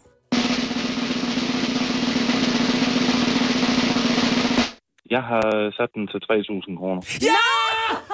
Ja! Ja! Ah, Jens. Woohoo! Ah. Ja, ja, men han er klar til at sælge den for 1625. Det ved vi alle sammen godt, ikke? Okay, okay, okay. Ej, det var så vigtigt. Det var så vigtigt, det her. Ej, nu har jeg det meget bedre. Hvad, øh, hvornår er næste chance for at score et point for mig? Hvornår kan jeg udvide føringen til 3-1? Samme tid, samme sted, på torsdag. Okay. Det glæder jeg mig rigtig meget til, og det gør du ikke, Anne. Nej, for det kommer ikke til at ske. Det kan jeg godt fortælle. Det kommer til 2-2 næste gang. Sådan det. Godmorgen. Det her er Radio 100 med Lasse Remmer, Anne Lavendt og Oliver Routledge. Er der noget, som ligger mig meget på sinde, så, så er det fodbold. Det ved I godt, og Oh, ja. øh, som lytter af det her program, kære lytter, ja, så ved du det øh, sikkert også efterhånden. Derfor så skærer det også i mit hjerte, når jeg kan læse den seneste opgørelse over børn, der spiller fodbold i Danmark. Den viser nemlig, at børn i stigende grad vælger fodbolden fra. Mm. Altså, vælger fra. Hvor, hvor mange drejer det sig om? I 2013 der var der 142.478 registrerede medlemmer under 12 år i DBU-foreninger. Tallet fra den seneste opgørelse fra 2019, den viser så, at der er 130.000, og det svarer altså til et fald på knap 9% over de seneste 6 år. Og det, er- og det er med på, det kan godt mærkes, men altså, har man ikke brug for at vide, hvorfor? Hvad er det, der får dem til at tænke, jeg skal bare ikke... Er det fordi, de ikke vil vælge sidst? Det ville være mig, da jeg var barn. For. Ja, men det er faktisk lidt i en samme stil, altså fordi ifølge flere i agtager, så bunder det blandt andet i, at tilgangen til børnefodbold mange steder rundt omkring i landet er så elitær og, og resultatorienteret, at det skygger for lejen og skræmmer simpelthen for mange unge fodboldspillere væk. Og mm. det er jo super problematisk, fordi at DBU er til for ligesom at beskytte og udvikle fodbolden, og især børnefodbolden. Og det viser sig, der viser sig så bare efterhånden et tydeligt tegn på, at lejen er blevet fjernet fra børnefodbolden, når man så i en alt for tidlig alder bliver meget resultatorienteret. Mm. Men det kan, ved jeg det, DBU vel ikke være tilfreds med. Hvad, hvad har de tænkt sig at gøre ved det? Vil de fjerne de der råbende forældre, der står på sidelinjen? Det vil være rigtig dejligt, hvis det skete, men det er Ja. ikke helt den retning, man har tænkt sig at gå ned af efterhånden. Bare drop U15-landsholdet. Præcis. Ole Lyne, han er ansvarlig for DBU's nationale sportslige vision på breddesiden. Det er en lang og kringlet titel, men det er altså ham, der skal lægge visionen for, hvordan får vi øh, fodbolden bredt ud til så mange som muligt. Han har en aflang tegnebog til de visitkort. Ja, det er rigtigt. Og han erkender også, Ole Lyne, at man nok har været for langsom til at sætte ind mod en lidt for elitær og voksen tankegang i børneklubberne. Han siger også, at man nu så er gået i gang med det, som på rigtig flot ledersprog hedder flere processer, der skal styrke børnefodbold. Nu skal I høre, unger! Vi er i gang med nogle processer, der skal styrke det, vi har gang i. Jamen, sæt, sæt dig ned, Valdemar. Sæt, få fingrene ud af munden og vær med til processen. For eksempel så opererer man i DBU med en idé om, at klubber i fremtiden skal kunne blive en såkaldt DBU børneklub, hvis de lever op til nogle forskellige krav og viser, at man vil børnene. Ja, en børneklub. Altså ikke så meget øh, svanemærkning som en grimme ellingmærkning. Ole Lyne han understreger da også, at det ikke udelukkende handler om at få så mange til at spille fodbold som muligt. Så han siger, at det er ikke nødvendigvis en dårlig ting, at det her tal det er faldet. Fordi han siger, at hvis det lykkes os at skabe en bedre og mere sund kultur, så kan det også blive en konsekvens af det. Fordi det vigtigste, det er trods alt, at vi laver god kvalitet i klubberne. Fordi hvis vi gør det, så kommer medlemmerne også, mm, siger ja. Ole Lyne. De taler jo lidt imod det her med, at man vil have så mange til at spille fodbold som overhovedet muligt, fordi at han siger, at hvis kvaliteten er der, så kommer medlemmerne også. Men hvordan Men skal man skabe kvalitet? kvaliteten? Kan det bare være sjovt? Det skal være sjovt, men det skal, bagefter. men det skal også være øh, altså kvalitet orienteret i hvert fald, mener Ole Lyne. Men DBU er altså i gang, i hvert fald ifølge dem selv, med flere processer, som skal styrke børns interesse for fodbolden. Men man vil ikke gøre det for enhver pris, som Ole Lyne altså understreger, da man i det store billede måske øh, kan, vil få konsekvenser for kvaliteten i klubberne. Sommer summarum, det er bare, at over de sidste 6 år er sket et fald af børn og unge, som spiller fodbold med 9%. Og det er bekymrende, ikke bare for DBU, men altså for os alle sammen, som elsker fodbold. Fordi der kan altså gå en del talenter tabt i sådan et program. Jeg har aldrig gået til fodbold. Jeg får altid bolde i hovedet. Det er derfor, jeg ikke gør det i DBU. Jeg er gået ret meget væk fra fodbold ja. i min tid, vil jeg gerne indrømme. Morgen på Radio 100 præsenterer Det vidste du ikke, du gerne vil vide. Der er brug for et nyt amerikansk flag hver eneste gang en ny delstat bliver indlemmet i unionen, og det er altså ikke noget, der er sket i en 60 år efterhånden. De havde travlt i en overgang, der skulle lige være plads til Hawaii for eksempel, og så får man jo også travlt med lige at lave flaget om, fordi som bekendt Stars and Stripes, striberne, dem er vi med på. Hvad er det nu, øh, stjernerne står for? De forskellige stater. Ja, men det er da rigtigt nok. Ja, ja, det, så svært var det heller ikke alligevel, hvad? Prøv at- 51 Jeg føler, at det er 50. stjerner. Nej, det er meget spændende det her. Er det jeres bud? Jeg siger 51. Det er det. Jeg siger 50. Det var ikke meningen, det skulle være en quiz, det her. Der er 50 stater i USA, 50 delstater. Sådan. Prøv at høre, det der måske kan forvirre, det er, at der er jo Puerto Rico for eksempel, som Ja, altså lidt. Det har det, tænkte på. status af at være en delstat, men ikke er en delstat osv. Der er nogle territorier rundt omkring. Guam kunne man måske også nævne, ikke? Men prøv at høre. Øh, officielt 50 delstater. Og hver eneste gang, der er blevet indlemmet en ny stat, så har man lavet flaget om at tilføje en stjerne. Ikke? Det var senest nødvendigt, da Hawaii til, øh, øh, tilsluttede sig øh, USA øh, tilbage i 1959. Det nye flag, det havde man ikke brug for før i 1960, fordi den faste tradition, det er, når man opdaterer flaget, så første gang det nye flag bruges, det er, tøj komme med et gæt. Det er en bestemt dato. Hvornår vil man vælge første gang at hejse det til tops? 4. juli. Ja! Sådan. Så kan faktisk stærke, mand. Uh. Knivskarpe hele vejen igennem. Selvfølgelig er det på nationaldagen, man vælger at sige, her er det nye flag, kan I lide det? Og det er jo blevet opdateret rigtig mange gange siden det helt oprindelige øh, unionsflag blev lavet af Betsy Ross tilbage i forbindelse med uafhængighedskrigen. Prøv at høre, alt det her, det er sådan noget historie, hygge, nykke, tusse, tusse undervisning, ikke? Men i 1959, da der var brug for et nyt flag, så sagde man fra det hvide hus, vi vil da gerne kigge på, hvad folket ligesom synes kunne være en god idé her. Og der var en 17-årig knægt i Michigan, som hedder Robert Heft, der sagde, "Nå, men det her har da en meget god idé. Hvad med øh, 6 stjerner, og så få skudt 5 stjerner, og så 6 stjerner igen, og så 5, og så 6, og så 5, indtil der er 50 i alt. Og så de der 13 striber. Det tror jeg faktisk kunne være meget fedt, hvis vi kunne gøre det på den måde. Ja. Så afleverer han det til sin øh, lærer, en fyr, der hed Stanley Pratt. Og Stanley Pratt gav ham et B-, det der på dansk ville være et syvtal. Nej. Men så sagde Robert Heft også, altså jeg sender det til det hvide hus, og hvis det bliver det, de uh, vælger, må må jeg så godt få en bedre karakter? Og så siger Stanley Pratt, ah, ah, ja, ja, lad os bare aftale det. Men hvem griner sidst? Det gør Robert. Bobby-drengen. Fordi der sker selvfølgelig det, at Dwight Eisenhower, han vælger ud af over 1500 forslag, den 17-årige gymnasieelev Roberts forslag til det nuværende amerikanske flag. Og så går Robert tilbage til Stanley, læreren, og siger, hvad, Hvad så? Kan jeg få 12? Dwighty boy. og ved I hvad? Selvfølgelig kunne han det. Selvfølgelig kunne han det. Så sagde læreren, ja, ja, ja, ja, okay. Den giver jeg mig. Den kommer vi til at bruge i hvert fald 60 år fremover. Selvfølgelig skal der have 12 for den. Det kan jeg da godt se. Så designet øh, på Stars and Stripes er lavet af en 17-årig gymnasiedreng. Det kan du stole på. Han er ikke blandt os længere. Han gik bort i 2009 efter blandt andet 28 år som øhm, borgmester i en lille by i Michigan. Men derudover så tilbragte han meget af sit liv selv som gymnasielærer. Så på en måde kan det være, at lige præcis den her proces understregede, at der kan godt være et, noget spændende i udvekslingen mellem lærer og elev, og de forventninger, man har til hinanden. Det er alligevel vildt, at for at få et 12-tal, så skal man have præsidenten til at komme ind og sige, "Ej, jeg synes, det var et godt krav." projekt, det du lavede der. Det gad jeg bare godt have vidst, da jeg gik i gymnasiet, det her. Afleveret SRP om Kuba-krisen eller et eller andet. Er det på- Fik mit syvtal. Er det på tide at opdatere Dannebro? Om hvis jeg nu kunne have sendt den til Khrushchev eller et eller andet, så har han sagt, ej, den er god, den, Den er der. god. Ja, den kan alligevel et eller andet. Ja, den har noget... på- Jeg kan ikke lave en russisk accent, så jeg ved ikke engang, hvad jeg laver her. Prøv at høre. Det her. Det vidste du ikke. Du gerne vil vide. Du gerne vil vide. Morgen på Radio 100. Men nu ved du det. 17-årig gymnasiedreng sendte det nuværende amerikanske flag til det hvide hus og fik et 12-tal af sin lærer, efter det blev valgt. Er det endelig blevet Arnes tur? Det spørgsmål besvarede statsminister Mette Frederiksen, da hun i går præsenterede regeringens længe ventede pensionsudspil, der giver visse personer ret til at gå tidligere på pension. Og det siger sig selv, at en af dem, der har været synonym med det her udspil, ja, måske den, der har været synonym med udspillet, er Arne, en 60-årig bryggeriarbejder fra Fjeldstrup ved Haderslev. Og vi kan jo lige spørge ham, hvad han synes om udspillet. Ja, for han er med på en uh, telefon nu. Godmorgen, Arne Jul.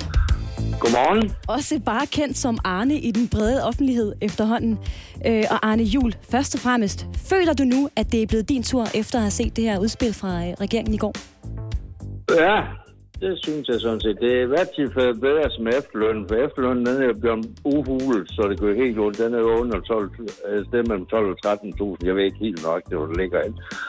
Og den anden her, der får du jo væk 13,5, og du kan få din efterløn udbetalt, og du kan få, begynde at tage din pension og dit ATP, jo ikke, når du går på pension.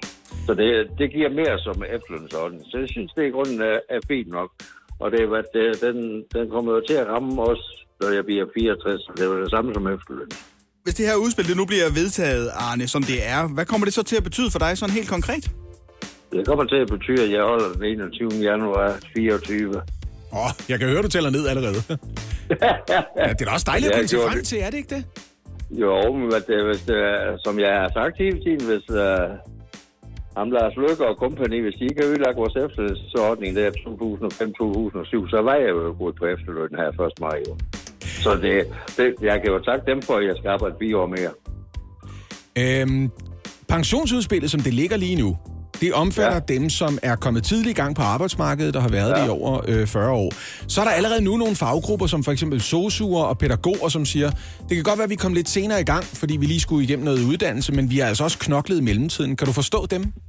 Det kan jeg godt forstå, og det er nok noget af det, regeringen lige skal ind og justere på, for det, var det, det kan man jo også høre af SF og enhedslisten, og jeg hørte i hvert fald Skipper i går, hun kom om med den, at det var ikke godt nok til de der sosuer og, og sygeplejersker. Så det, men okay, nu skal de jo ind og, og lave en forhandling, ikke? De har jo desværre ikke 90 mandater, så de selv kunne have trykket på, at det var ok, ikke? Så det bliver nok noget af en forhandling, de skal i gå med. Jeg er spændt på, at vi når at blive færdige til oktober. Øhm, jeg, jeg er lidt nysgerrig, Arne. Øh, da du i sin tid blev gjort til ansigt for arbejdet frem imod det her pensionsudspil, altså så er der jo nogen, der må have ringet til dig og sagt, Arne, må vi godt bruge dig som et eksempel på en, der har brug for det her? Hvad, var det Mette Frederiksen selv, der ringede dig op, eller hvad var det, der skete i sin tid? Nej, de er sådan set Socialdemokrati, Socialdemokrati, de har ringet til 3F, på grund af, at jeg har været med i en kampagne i 3F, mm. angående vores pension, ikke? Og der kunne de se miniatyrer og ud af til og det hele, så spurgte de så 3F, de kunne få mit telefonnummer, og så ringede 3F til mig og spurgte, om jeg havde lyst til at være med i en kampagne for Socialdemokratiet, og forklarede mig om, at det var på grund af nedslidning og tidligere pension, så det vil jeg da godt være med til at støtte. Vil du lige sætte et par ord på, hvordan det seneste halvandet år har været for dig, Arne Jul, hvor hele Danmark jo har været på fornavn med dig og har set dit ansigt på plakater og hvad ved jeg? Ja, men den der, de var nede og lave den der Facebook film, som jeg har lagt ud på Facebook. Den så blevet redigeret og en ny udgaver nu, og så lavet tryk til plakater. Det tog en 5-6 timer, men jeg er da overhovedet, overhovedet ikke regnet med, at det skulle have været så stor med de der kæmpe banner over hele landet. Ikke? Jeg har kammerater fra Aalborg og Aarhus, København. Du ved godt, du hænger på alle banegårde over det hele, og det er altså ikke nogen små nogen, det er nogle kæmpe. Men Arne, hvordan har du haft med det? Altså, har du fortrudt overhovedet, at du har været ligesom posterboy for Socialdemokratiets øh, udspil Nej. om pensionsreformen? Nej. Nej, det har jeg ikke. Det har været det hele værd. Det, ved du hvad, noget siger mig, at lige præcis de her dage, de igen er blevet ekstra travle, fordi nu skal vi lige have fundet ud af, er det så blevet Arnes tur eller ej. Ja. Hvad, altså, øh, hvad skal du lave, når vi når frem til weekenden, og alle journalisterne de er færdige med lige at få de første svar? Så kører jeg op på campingpladsen, så slukker jeg min telefon. det kan jeg godt forstå, Arne. Det kan jeg godt. Det lyder som en Ikke, fantastisk jeg, idé. det, som de også sagde jo, jo TV2 og hvad det, TV2 syge går, jeg er da ikke sikker på, at statsministeren har haft tre mikrofoner på på en gang, for jeg er virkelig tre mikrofoner, de var hjemme med mig, ikke? Arne Jul, vi øh, er rigtig glade for, at vi måtte ringe til dig øh, her til Ja. morgen, ligesom mange andre journalister har gjort, kan vi forstå. Øh, du får øh, formentlig ikke fred det næste stykke tid også, fordi vi skal lige have Nej. det her øh, pensionsudspil, eller det her pensionsforslag helt på plads. Men tusind tak for Ja. din tid her i morgenprogrammet. Altså, Ja, Arne velbekomme. Og god dag. Hvornår bliver det Arnes tur? Det fik vi jo endelig et svar på i går, da regeringen præsenterede sit længe ventede udspil om ret til tidlig pension. Og i hovedtræk betyder regeringens udspil, at de, der har været 42 år på arbejdsmarkedet eller længere, skal have lov til at gå på pension mellem 1 og 3 år før tid. Politisk kommentator Noah Reddington, godmorgen. Godmorgen. Der har jo været store forventninger til regeringens udspil, nu det endelig dukket op. Spørgsmålet er så, blev de forventninger indfriet, da det udspil om sider blev præsenteret i går? Ja, det tror jeg langt hen ad vejen, de gjorde. Ikke forstå på den måde, at, at folk sidder med armene hen over hovedet og siger, nu er det endelig blevet min tur, nu skal jeg på pension. Det er mere oplevelsen af, at der bliver brugt penge på almindelige mennesker, at der er en reform, som går den anden vej i forhold til, hvordan man har gjort det de sidste mange år.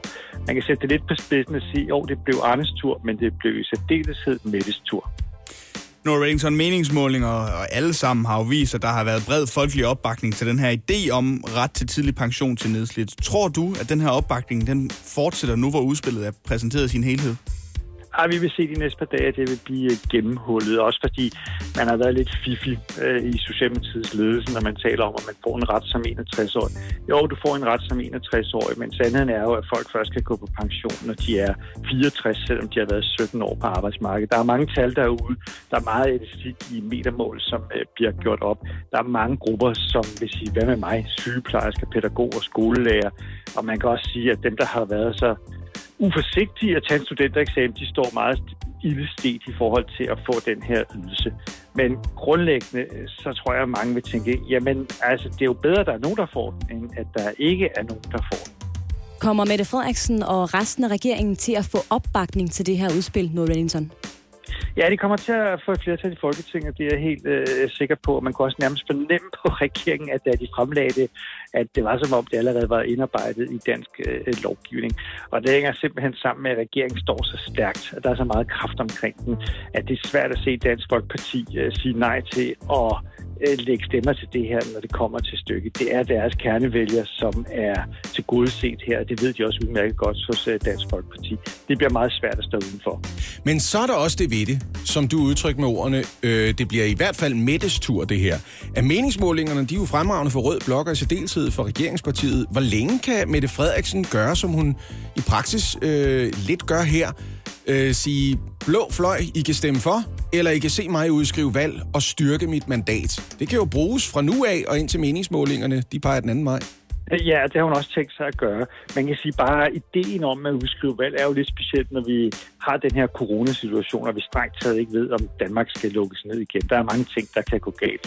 Men bare ideen om, at hun udskriver valg, er jo nok til at få de andre til at ryste i bukserne. Dansk Folkeparti står til at gå tilbage markant til sammen med Venstre. At der er mange partier, som øh, er, hænger ret meget øh, med, med mulen i blå blok. Så der er enormt meget kraft omkring hende. Hvor lang tid holder det? Jamen, det holder jo, som du selv siger, så længe meningsmålingerne er så utrolig stærke, som de er øh, for Socialdemokratiet. Meningsmålinger har det med at sætte sig på øh, Christiansborg. Øh, Christiansborg er et sted, hvor det er meget gennemsigtigt, hvem der har fået den seneste måling. Man kan simpelthen se på folk, når de kommer gående ned ad gangene, om de er oppe eller om de er nede. Jeg vil skyde på, at Mette Frederiksen synes, det er meget sjovere at gå på arbejde end Jakob Ellemann, som nok har det med at tage bagindgangen disse dage. Og, og det siger du i disse dage, men det er jo en dødsspiral, det her, hvis de ender som dækkende lammehaler på regeringen hver eneste gang. Fordi så kommer de jo aldrig nogensinde til at illustrere, hvordan de er et alternativ til den førte politik. Nej, man skulle på i politik, så kan der jo ske det, som en tidligere britisk premierminister blev spurgt om, hvad skete der? Han sagde, events, events, events, altså begivenheder. og nogle gange handler det bare om at hænge i, og så kan der ske noget. Vi ved jo ikke præcis, hvor coronakrisen øh, ender hen. Vi kan være i en situation om et år i Danmark, hvor der er 50.000 arbejdsløse, og Mette Frederiksen har mest travlt med at bruge penge og beskatte virksomheder. Tingene kan ændre sig. Men det er også derfor, at den vigtigste valuta på Christiansborg, altså det der virkelig er hardcore, det er gode nerver. Louis Rainson, politisk kommentator. Tusind tak for din tid her i morgen på Radio 100. Godmorgen, og tak fordi jeg var med. Godmorgen. Det her er Radio 100 med Lasse Remmer, Anne Lavendt og Oliver Routledge. Det er melodien, der indikerer cykelløb. Ja, for det skal handle lidt om mænd i øh, Lykra nu. Og bare rolig, Anne. Jeg er ikke sur på jer, cyklister. For den kamp, Også den, mænd i Lykra. Den er Der findes også kvinder i Lykra. Den kamp, den er simpelthen for længst tabt. Altså, I cykler, hvor I vil, hvornår I vil. Og så, sådan er det bare. Det Og vi råber alle- bagfra! Ja. Ja. Fri!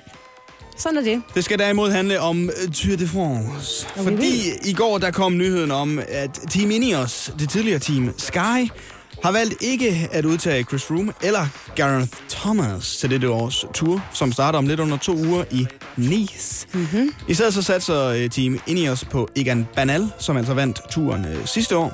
Holdet vil til gengæld udtage Chris Froome som kaptajn til årets Vuelta i Spanien, mens der skal køres øh, Giro d'Italia for Garen Thomas. Så man har simpelthen fordelt de her stjerner lidt ud over løbende. Men jeg synes, der er en profil, som vi her hjemme i Danmark kender rigtig godt. Ja. Hvad med Jakob Fuglsang, Oliver? Ja, det er jo et godt spørgsmål, fordi med det samme, jeg hørte den her nyhed i går, så tænkte jeg, det er jo klasse for Fuglsang det her. Det er klasse. Der er ikke nogen Froome, der er ikke nogen Thomas, så er der kun Banal, han skal kæmpe med. De andre, de kan sikkert også et eller andet, men i det store billede, så bliver Jakob Fuglsang til at holde op mod i, i Banal. Øh, Astana, som jo er Fuglsangs hold, de har endnu ikke udtaget deres endegyldige hold til Tour de France. Men tilbage i maj, der sagde der sportschef, at planen var, at Fuglsang heller ikke skulle køre Tour de France i år. Nå. Så med mindre, at Astana har tænkt sig at ændre det her til sidst, så skal Fuglsang heller ikke med. Og det er ret usandsynligt, at de vil ændre på det så tæt på. Ja, det er to år til sådan, hov, Fuglsang, du skal lige afsted alligevel. I øvrigt, vi kan se, at de andre ikke har udtaget nogle af rimelig gode rytter. Kan du ikke lige tage med måske? Så kunne det være super så lækkert. ingen Fuglsang i årets Tour de France. Nej. Derudover, så kom der endnu en nyhed omkring turen i går, som flere trofaste seere nok vil bemærke. Nemlig, at de altid, skal bruge det rigtige ord, elegante kyssepiger også er blevet droppet til dette års Tour de France. What? Yep. Okay, okay, okay. Hvad handler det om? Ja, men det fortalte Christian Prudhomme, altså i går, at man droppede det med. Han sagde, normalt så ser man vinderen omgivet af to værtinder, kalder Christian Prudhomme fem delegerede og fem repræsentanter. Det bliver anderledes i år med en delegeret, en repræsentant, og så en værtinde og en vært for første gang.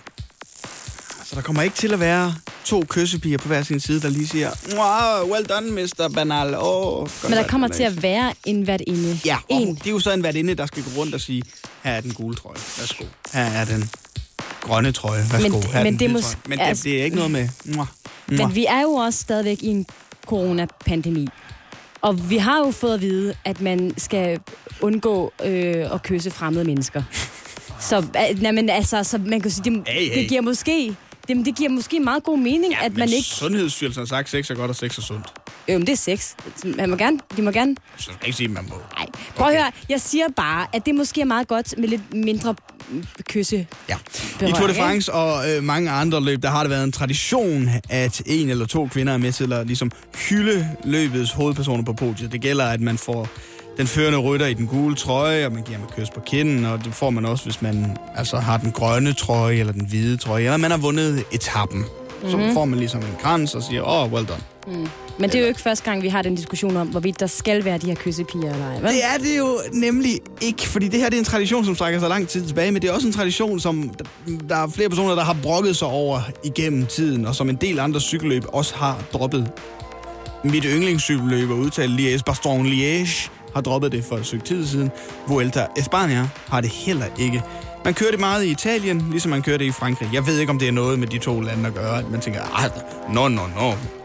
We need the kissing girls. Men, men øh, Christian Prudhomme, mm. har han sagt noget om, hvorvidt de her hvert inder kommer tilbage næste år eller næste år igen? Altså, er, er det definitivt, at de er ude af Tour de France? Han har ikke udtalt sig om, hvad der kommer til at ske næste år, men altså kender man øh, verden rigtigt, ja, så er det formentlig jo nok også sidste gang, man har set kyssebier til øh, Tour de France. Fordi må ikke det i 2021 siger, det gik ret fint uden øh, sidste år, og så kunne vi måske også lige slippe lidt for folk, som er virkelig sure over. Vinderne var glade, selvom de ikke blev snævet af lækre damer. Ja, jamen dog, jamen Jeg dog. tænker, det er de sidste kyssebier, vi har set i Tour de France. Torsdag er ens betydende med nye film i biograferne, og dermed er du også kommet i studiet her, Martin Blikker. Ej, okay, jeg laver en Lasse. Du laver en Lasse, du glemmer Helvede, simpelthen at tænde for øh, Martins mikrofon. Godmorgen, Martin Blikker, nyhedsvært og filmanmelder her i huset. Godmorgen. Det skal handle om The Farewell i dag. Et øh, amerikansk-kinesisk komedie drama, som faktisk er produceret sidste år, men som først har fået premiere i Danmark mm. nu. Hvad handler The Farewell om? Jamen, den her film er ret vild, fordi for det første så er den baseret på virkelige hændelser. Det er sådan, at Lulu Wang, hende der har instrueret filmen, det er hendes historie. Og det handler egentlig om, at øh, i Kina, der har man en tradition om, at når nogen i familien er dødssyge, specielt den ældre generation, så siger man ikke til dem, at de er syge, fordi man ikke vil, øh, ligesom, vil ødelægge deres sidste dage på jorden. Og... Øh, i den her film her, der har vi en karakter, der hedder Billy. Hun får videre af sine forældre, at de skal rejse til Kina, fordi de skal tage afsked med deres kære far, farmor, øh, Nai Nai. Og, øh, Nej, nej, det skal de vel ikke. jo, det skal de desværre. Men det er sådan, at nej, nej, hun har ikke fået at vide, at hun er dødssyg. Hun har kræft. Nej, nej, nej. Og det kan hende her Billy her, det kan hun slet ikke sætte sig ind i. Men øh, ja, så tager de tilbage for ligesom at skal tage afsked med hende her, nej, nej, øh, under påskud af, at de skal til et bryllup. Og det er jo en ret paradoxal og underlig situation at stå i, det her med, at man skal fejre nogen, Ja. samtidig med, at man skal tage afsked med en andet menneske. Og det er en ret vild historie, fordi hvis man tænker over det i virkeligheden, det kunne man jo aldrig selv ligesom forestille sig at stå i.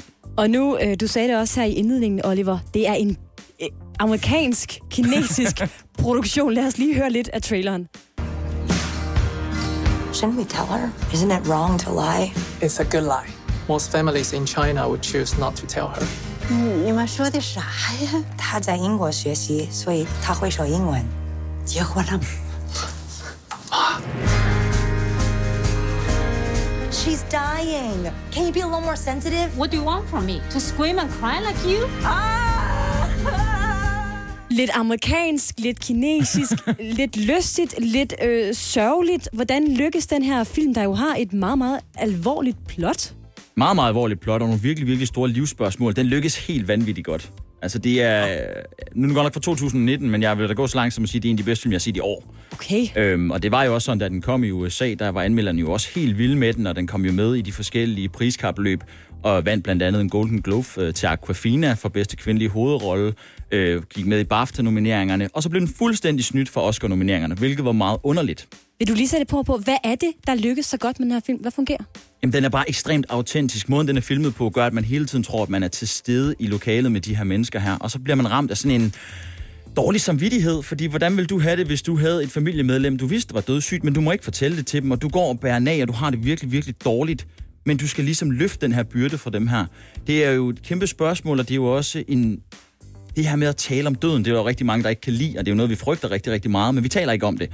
Hvordan har man det med det? Og det er sådan en følelse, man sidder og bliver sådan knudet af under hele den film her, og det, det, det er bare et godt indtryk. Altså, det er virkelig noget, der viser, at filmen den lykkes rigtig, rigtig godt.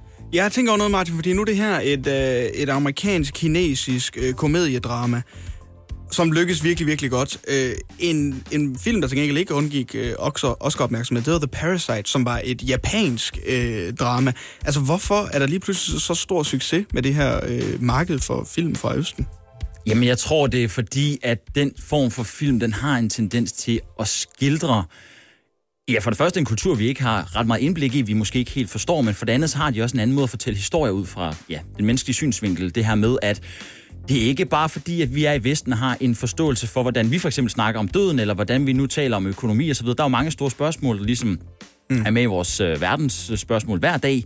Men vi taler bare anderledes om dem, og derover der, der har man bare en helt anden kultur for ligesom at tage ja, de ting på bordet. Og det er nogle gange rigtig, rigtig sundt at få et indblik i det, fordi det er også noget, vi kan lære noget af. Og det er det, den her film den virkelig gør. Den efterlader dig med nogle undringsspørgsmål, når du har set filmen, som du tager med dig. Og det er en film, jeg stadigvæk tænker over, fordi netop lige præcis det her med døden, det er noget, der fylder rigtig meget. Det er en naturlig del af livet, men vi snakker ikke om det. Og det leder mig jo frem til spørgsmålet, der hedder, hvem skal ind og se den her film? Hvem vil du anbefale den til?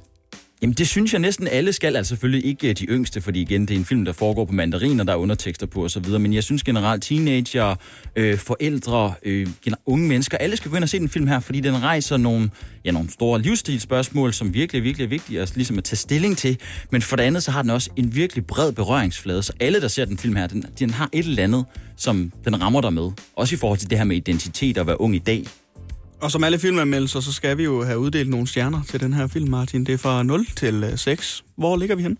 Jamen, det er næsten ikke fair, fordi jeg kunne jo virkelig blive ved med at snakke om den film her. Jeg har jo skrevet side op og side ned, øh, men jeg har virkelig landet på den, øh, altså på den helt højeste karakter, fordi det er en film, der samler os omkring noget, som vi ikke kan lide at snakke om. Men når filmen så er slut, så har vi lyst til at forblive samlet om det. Og jeg synes, det er en film, man skal se, og så skal man se den igen. Øh, så jeg har valgt at give den 6 stjerner.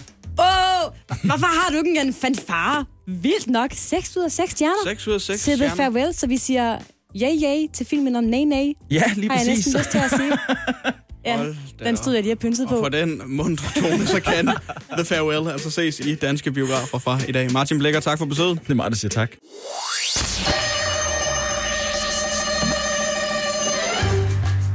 Hvad foregår der, Oliver? Ja, men nu skal vi til en sand krimi-historie, som udspiller sig i det britiske kongehus. Fordi igennem længere tid, så har man nemlig i det britiske kongehus bemærket, at flere og flere genstande er svundet fra, forsvundet fra Queen Elizabeths øh, London-residens, Buckingham Palace. Okay, ja.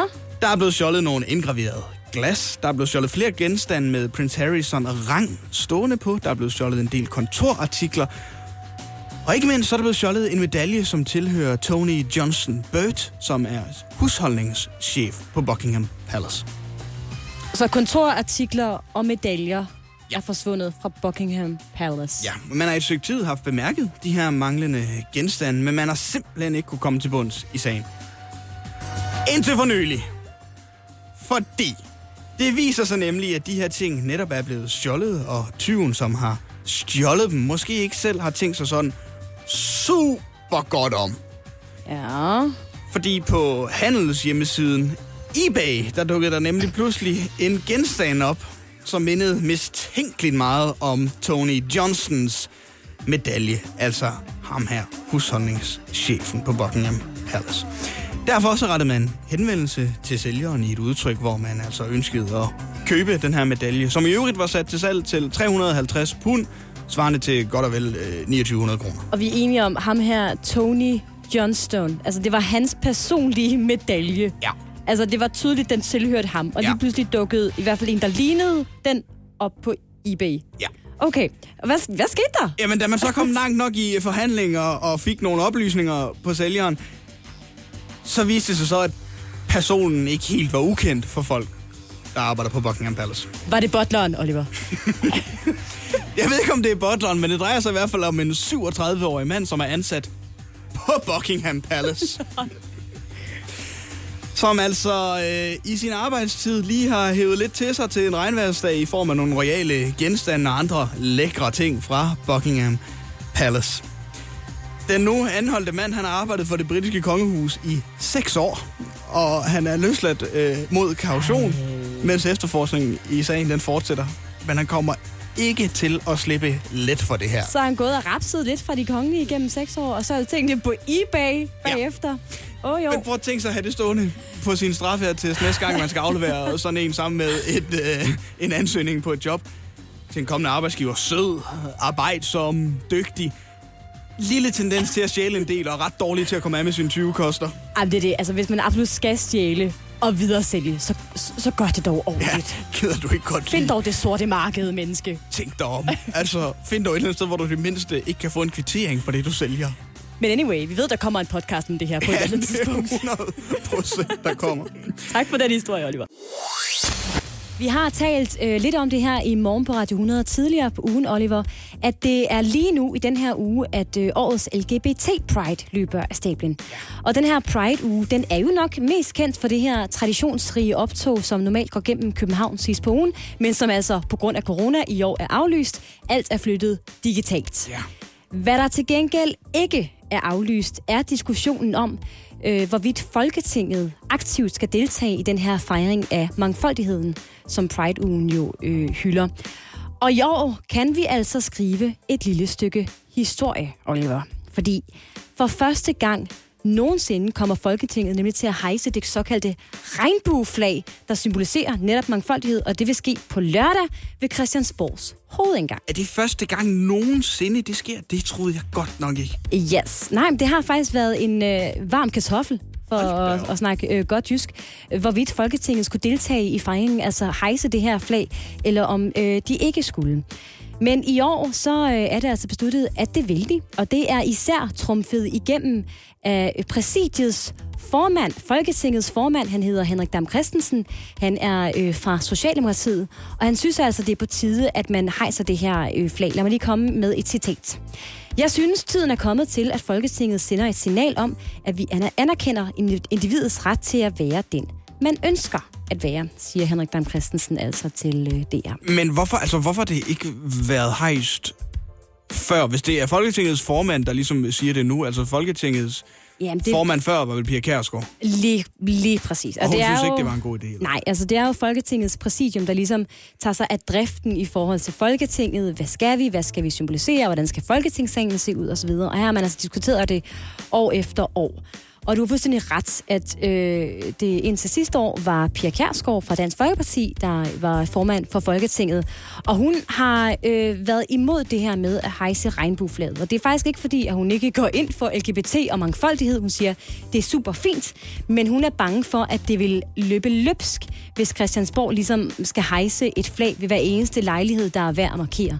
Hun siger, så er der jo mange, der gerne vil komme og have deres flag, øh, flag hejst ved øh, Folketingets hovedindgang, så det ender med at blive en glidebane, fordi så kan vi ikke sige nej til de næste, der kommer, og også har en god sag. Så det har ligesom været argumentet fra Dansk Folkeparti's side i forhold til det Men her. hvad vil problemet være i det? Sådan helt konkret, at der er en dag om året at forskelligt flag for et eller andet, der symboliserer... Men, men det er jo det, som er hendes argument, at så er det ikke længere en dag om året, så er det måske flere dage om året, fordi så kommer Amnesty International, og hvad med Røde Kors og Red Barnet, og så er der lige pludselig rigtig mange flag, der skal hejses op. Og det synes øh, Dansk Folkeparti altså øh, er et problem.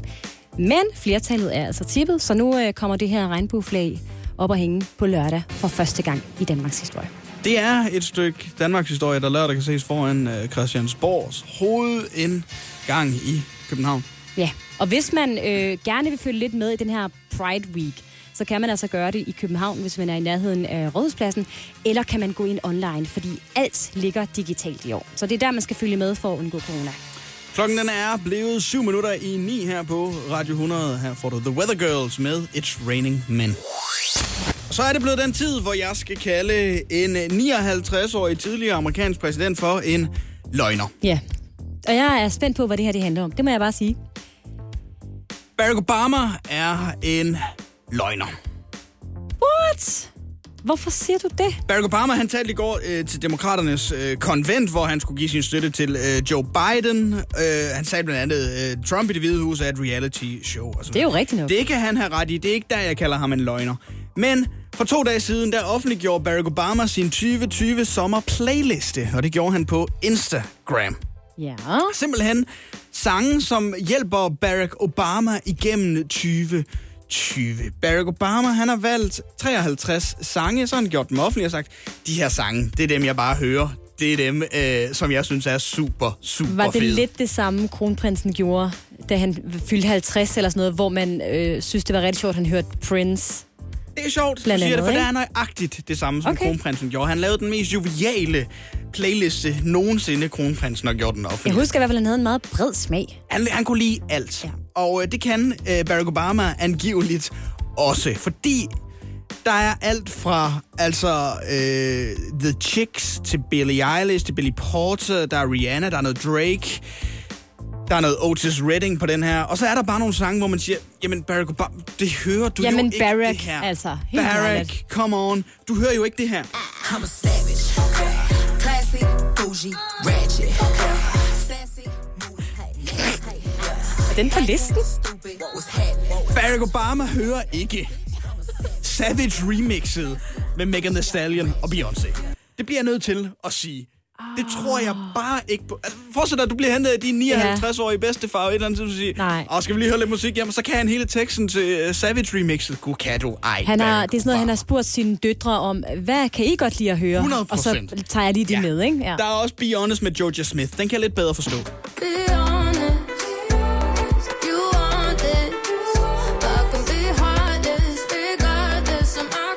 Et godt nummer. Ja, Ja, det det, det. kan jeg godt se Barack Obama lytte til, det her. Jeg kan se ham cruise rundt i en anden Ja, bil. lige her, præcis. Den er nok lidt mere ærlig, men jeg tror simpelthen ikke på Barack Obama. Han hører Savage remixet. Nej. Og derfor så tænker jeg, at det her det er en playlist, hvor han ligesom har valgt nogle sange, som er populære i den brede offentlighed, men som han ikke selv lytter til. Man kan sige, at det her det er hans offentlige playliste. Jeg gad rigtig godt se Barack Obamas private ja. playliste. Den han ikke viser frem. Og det gav mig en idé, Anne. Det gav mig den idé, at hvad nu hvis vi skulle lave vores egen offentlige playliste, Ja. og så vores egen private playliste, hvor vi ligesom indrømmet, ja, sådan er det, det er det, jeg hører. Ja, det hører jeg, men det er ikke det, jeg siger til folk. Nej, Ja. ja. så lad os starte med din offentlige playlist. Den playlist, du oh. vil lægge ud, som alle folk, de kan lytte til. Hvor jeg tænker, det indgyder noget respekt, hvis jeg siger, det her, det er lige mig. Okay, jamen, øh, så skal vi have fat i en sangerinde, der er styrtet frem de seneste år. Jeg kan godt lide hende. Jeg lytter... Det er ikke hende, jeg sætter mest på derhjemme, men, men hun lyder sådan her. So you're a tough guy, like you really rough guy. Just can't get enough guy, just always so puff. Billie Eilish. Hun er sej. Hun er en kunstner. Hun er Hun 18. repræsenterer jamen, en moderne kvinde, som en moderne kvinde skal være. Jeg kan så godt lide Billie Eilish. Ja. Jeg kan godt lide det her nummer, især det, hvor Justin Bieber også synger med. Øh, men, men jeg hører måske ikke så meget hendes anden musik. Men jeg kan godt lide at sige, at jeg kan godt lide Billie Eilish. Ja, den, er- det er også, Det er altså man er home safe, vil Ja. ja. jeg sige. Jeg kan godt lide, jeg synes Billie Eilish er super fed, for eksempel. Så, Præcis. så, er, du, så er du home safe. Ja. Så det er din offentlige playliste? Ja. Øhm, Hvad har vi så på den lukkede playliste for en event? Noget, som jeg rigtig godt kan lide at øh, scrolle med på i bilen, og det skammer jeg mig overhovedet ikke over, men jeg vil måske ikke lægge det offentligt frem som det første. Det er en gut, som de fleste kender. Det er ham her. Hvis vi styrtede ned på en øde ø, hvis vi kun havde hinanden. Ah, men du kan ikke stå stille. Jeg elsker Sebak. Ja, jamen, jeg kan også godt lide ham. Men det er bare som om, han er blevet folkeeje, ikke? Altså, han er blevet så populær, at det er blevet upopulært godt at kunne lide ham. Altså, så det er sådan, ja, det er det, er det nemme valg på en eller anden måde, ikke? Den, den er nemlig... Den, Og er, ikke så kunstnerisk. Nej, han er nem at have for mange folk, men Præcis. altså, jeg, jeg elsker Sebak. På samme måde, som jeg elsker Medina, som mange folk også godt kan lide at have. Men hvad med dig, Olli? Ja, jamen jeg, lad mig starte med min offentlige playliste. Ja, okay. Øh, og vi skal faktisk ikke så langt tilbage for at finde en sang, jeg gerne vil præsentere dig for, fordi det er øh, for mit vedkommende sommersangen 2020 i Danmark.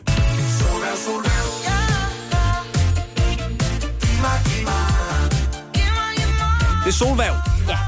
Det er Lord også Siva-udgaven. et godt nummer. Det er et dejligt sommernummer, ja. og også et nummer, der er svært helt at sidde stille til.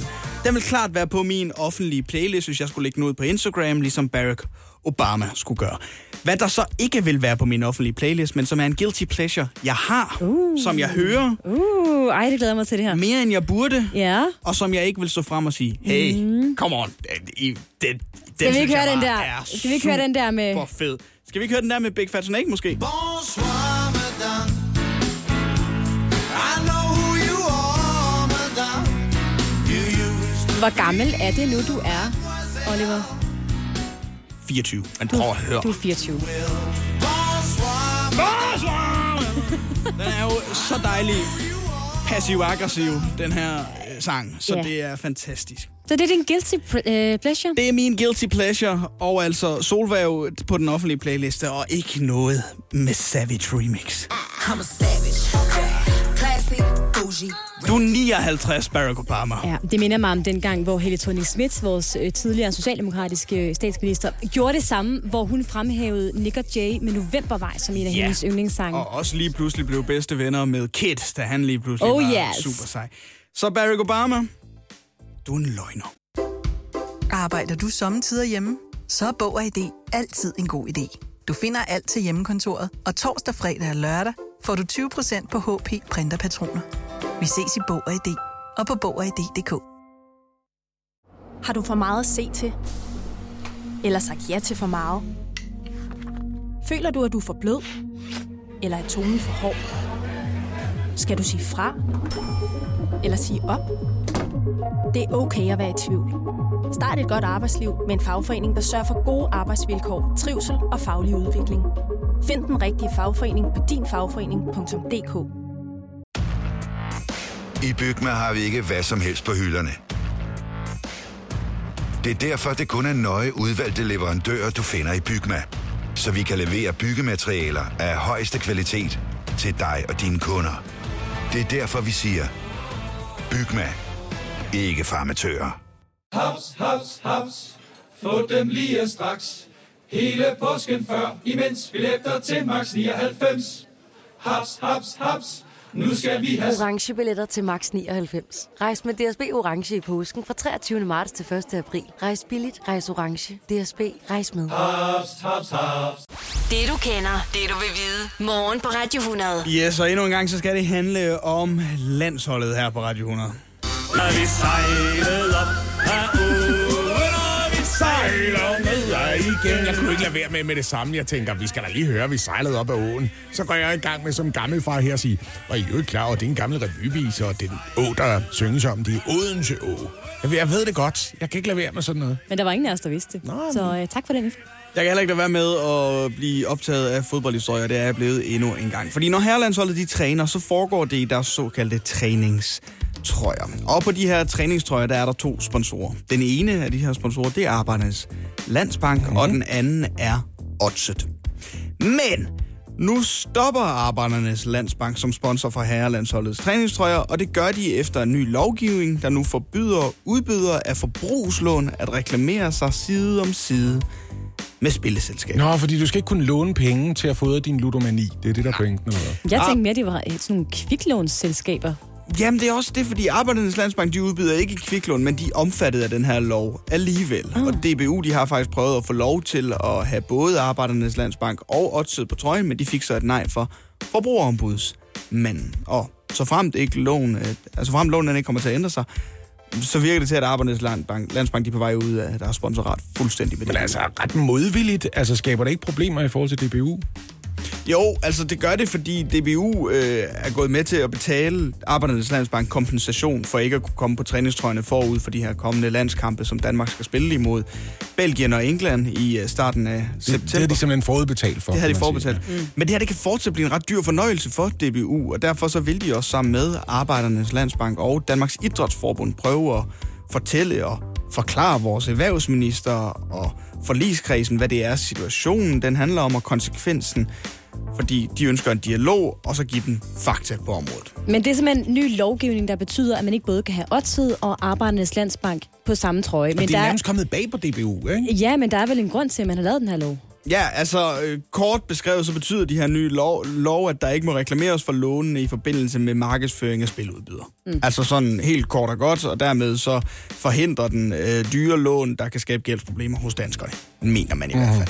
Det er jo som sådan en, en, en nobel og fin tanke, men når Arbejdernes Landsbank ikke udbyder kviklån, så virker det også som om, at man skyder spure med kanoner. Og det er de prøvet, altså det er de tænkt sig at prøve at forklare erhvervsministeren og forligskredsen, ikke? Hvad, hvad, hvad fanden gør de så, hvis det ikke lykkes? Hvis ja. de siger, ja ja, men altså det er jo principielt det her, vi kan ikke lave undtagelser for jer.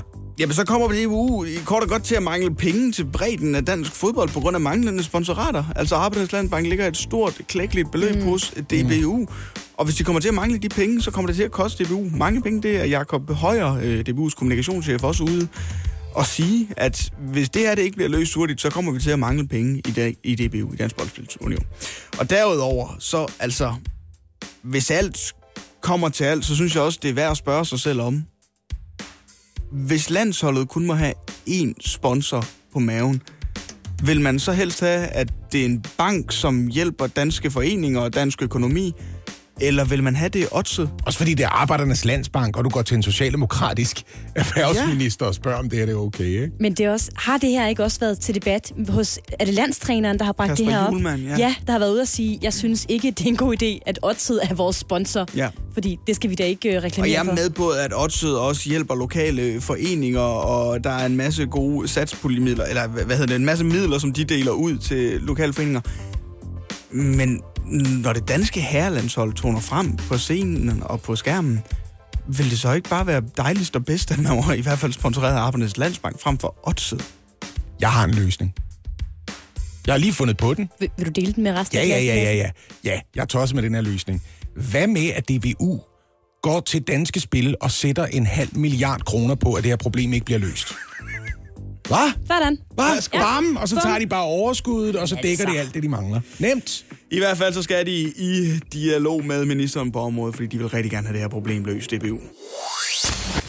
Vi skal til Rusland, for selvom det nok er de færreste af os, der har hørt om den russiske Putin-kritiker kaldet Alexei Navalny, så skabte lige præcis hans navn rigtig mange overskrifter rundt omkring i går. Ja, og det gjorde han, fordi tidligere onsdag morgen, der blev han meget syg ombord på et fly. Faktisk så syg, at der får en lydende om, at han er i livsfar, og hans talskvinde oplyser, at det formentlig skyldes en forgiftning.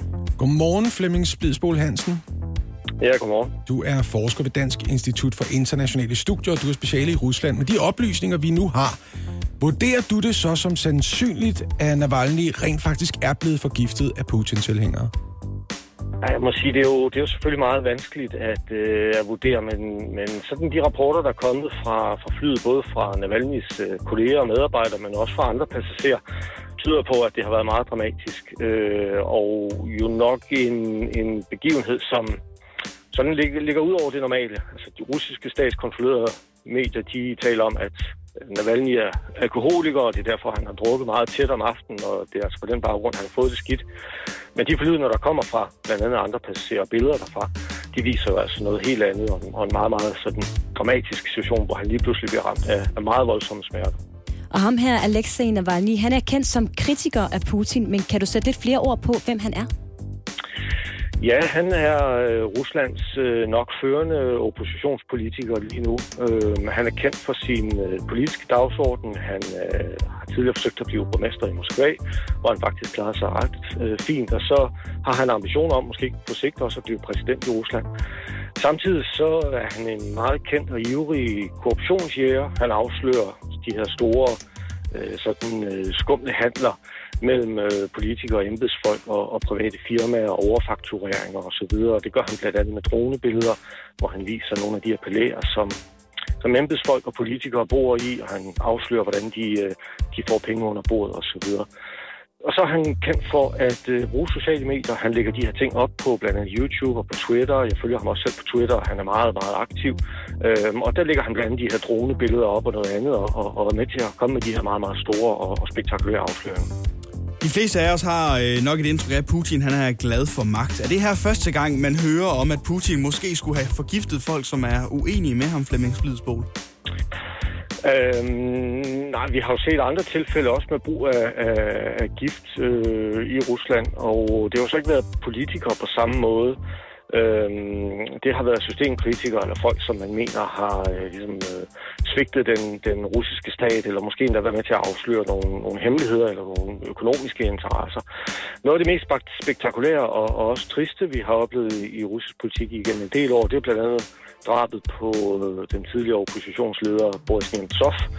Øhm, og Nemtsov var en stor stjerne, tidligere vicepremierminister, tidligere minister, og han blev øh, dræbt til skud øh, lige ved siden af Kreml i Moskva. Og, øh, og det skete faktisk for 2.000 dage siden, øh, 2002, for at være helt præcis. Så det blev faktisk markeret dagen før øh, Navalny blev, øh, måske blev udsat for et attentat i flyet, så blev det markeret, at det netop for 2.000 dage siden øh, drabet på, øh, på Nemtsov. Men han var på det tidspunkt Ruslands førende oppositionspolitiker og blev skudt øh, på, på klodshold lige øh, ved siden af Kreml. Da jeg hørte om den her sag, Flemming Splidsbol, der kom jeg til at tænke på Viktor Yushchenko fra Ukraine, der mente sig forgiftet i 2004, men han overlevede dog skal Navalny være bange for, at de mennesker, der har prøvet at forgifte ham, kommer tilbage og prøver at gøre arbejdet færdigt? Hvis jeg var Navalny, så ville jeg bestemt være bekymret. Så på den måde er det jo er det selvfølgelig overraskende, at det sker nu, men det er samtidig noget, som mange forventer vil ske, fordi det er en del af den politiske kultur. Det ligger også lidt i det autoritære systems natur. Og det betyder ikke, at det er Putin, der har gjort det, men det er den måde, man i tale sætter folk på. Øh, Navalny er øh, omtalt som en fjende af, af- folket, for eksempel. Øh, sådan helt på anekdotebasis, der siger man for eksempel, at Ruslands præsident Vladimir Putin aldrig udtaler Navalny's navn. Han vil simpelthen ikke udtale hans navn. Han omtaler ham altid sådan indirekte ved at henvise til den person, som gjorde sådan og sådan. Og på den måde sker der jo selvfølgelig en, som skal man sige, man er med til at skubbe politiske modstandere fra sig, man er med til at skubbe dem ud i mørket, hvor det er ok at behandle dem på en særlig måde, tale om dem på en særlig måde. Øh, og, og på den baggrund, kan man sige, så er det en del af en, af en politisk kultur. Og så en, en ting, vi selvfølgelig også skal huske på med nogle af de her samfund, også med Ukraine og Yushchenko, som blev nævnt, øh, Ukraines tidligere præsident, det er jo, at det er lande, som, som har en, et meget højt niveau af korruption. Og der er mange penge på spil.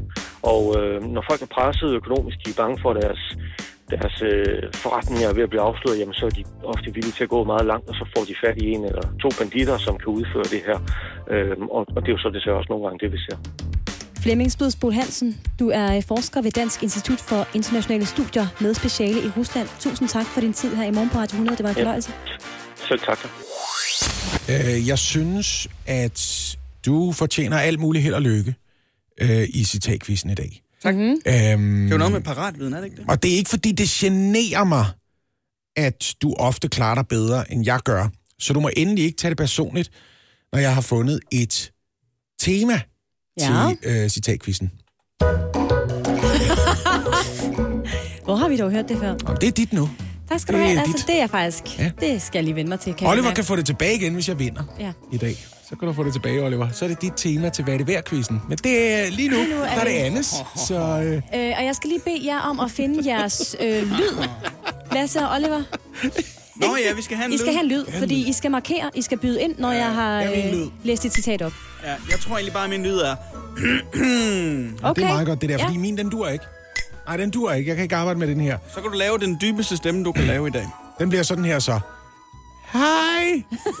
ja, det er helt forfærdeligt med den her stemme. Hvor jeg, jeg har fundet øh, fem citater fra nogle af de nyhedshistorier, vi har talt om i løbet af ugen, der har været op at vende. Nogle har vi talt mere om end andre, så det kan godt være, at den er en lille smule svær. I skal fortælle mig to ting. I skal fortælle mig, øh, hvem der har sagt eller skrevet citatet, og så skal I fortælle mig, hvilken øh, historie det handler om. Altså i hvilken forbindelse citatet er sagt eller skrevet. Der er to point at hente ved hver citat, og jeg starter med det første. Liv, levebrød og vores amerikanske demokratis eksistens er under trussel fra præsidenten. Liv, ja, hej! Liv, sagde jeg. Hej. Hej! Ja, Lasse? Øh, det, jeg tror, det er Michelle Obama. Jeg tror, det var, da hun holdt sin første støttetale på konventet. Jeg tror ikke, det er hendes mand. Jeg, Nej. tror, jeg tror, det er Michelle. Han er jo en løgner. Og øh, det er øh, forkert. What? I kan, I kan lige få tre muligheder. Er det Nancy Pelosi, Joe Biden eller Barack Obama? Barack Obama! Det er forkert igen. Jeg Nu tror gider- nu gider jeg ikke at det er Joe Biden, der siger det. Det er også forkert. Ja. Wow. 0 point. Det er, Den har vi ikke talt om, da. det er Nancy Pelosi. I, Jamen, det har vi ikke i- talt om. Jo, i forbindelse med postvæsenet, der Nå. var under pres. Det har Fordi vi hun talt er, hun er, jo, det gjorde vi. Det var mig, der fortalte om det. Hun er jo øh, øh, hun er leder af det demokratiske flertal i kongressen. Ja. Og hun, er sådan noget 200. Men hun var bekymret for øh, præsidenten Trump, der prøvede at stikke postvæsenet. Men det var min historie, så... God start! Ingen Da vi, point. da vi havde historien i programmet, der var det min, så det er et point til mig. Den næste er lidt sværere. Så jeg I, den. Nå, den er lidt Den, sværere. og, ja, og I får muligheder her. Sådan taler en landsmoder ikke. Er det Christian Hegård, Sikander Siddiq eller Søren Brostrøm, der har sagt det, og i hvilken forbindelse? Sådan taler en landsmoder ikke. Øh, det, øh, det har... Øh, hej! Ja, Øh, det har... Øh,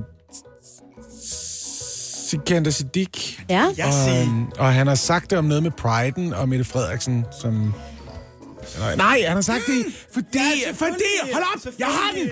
Fordi hun sagde, at, at indvandrerknægte skal opføre sig ordentligt i S-toget. Der var to point til Lasse. Ja, tak. Det er nemlig Ja, men rigtigt. det er rigtigt. Jeg er noget i mål med det. Hun kom lidt i modvind i går, ja. vores kære statsminister. Tredje citat.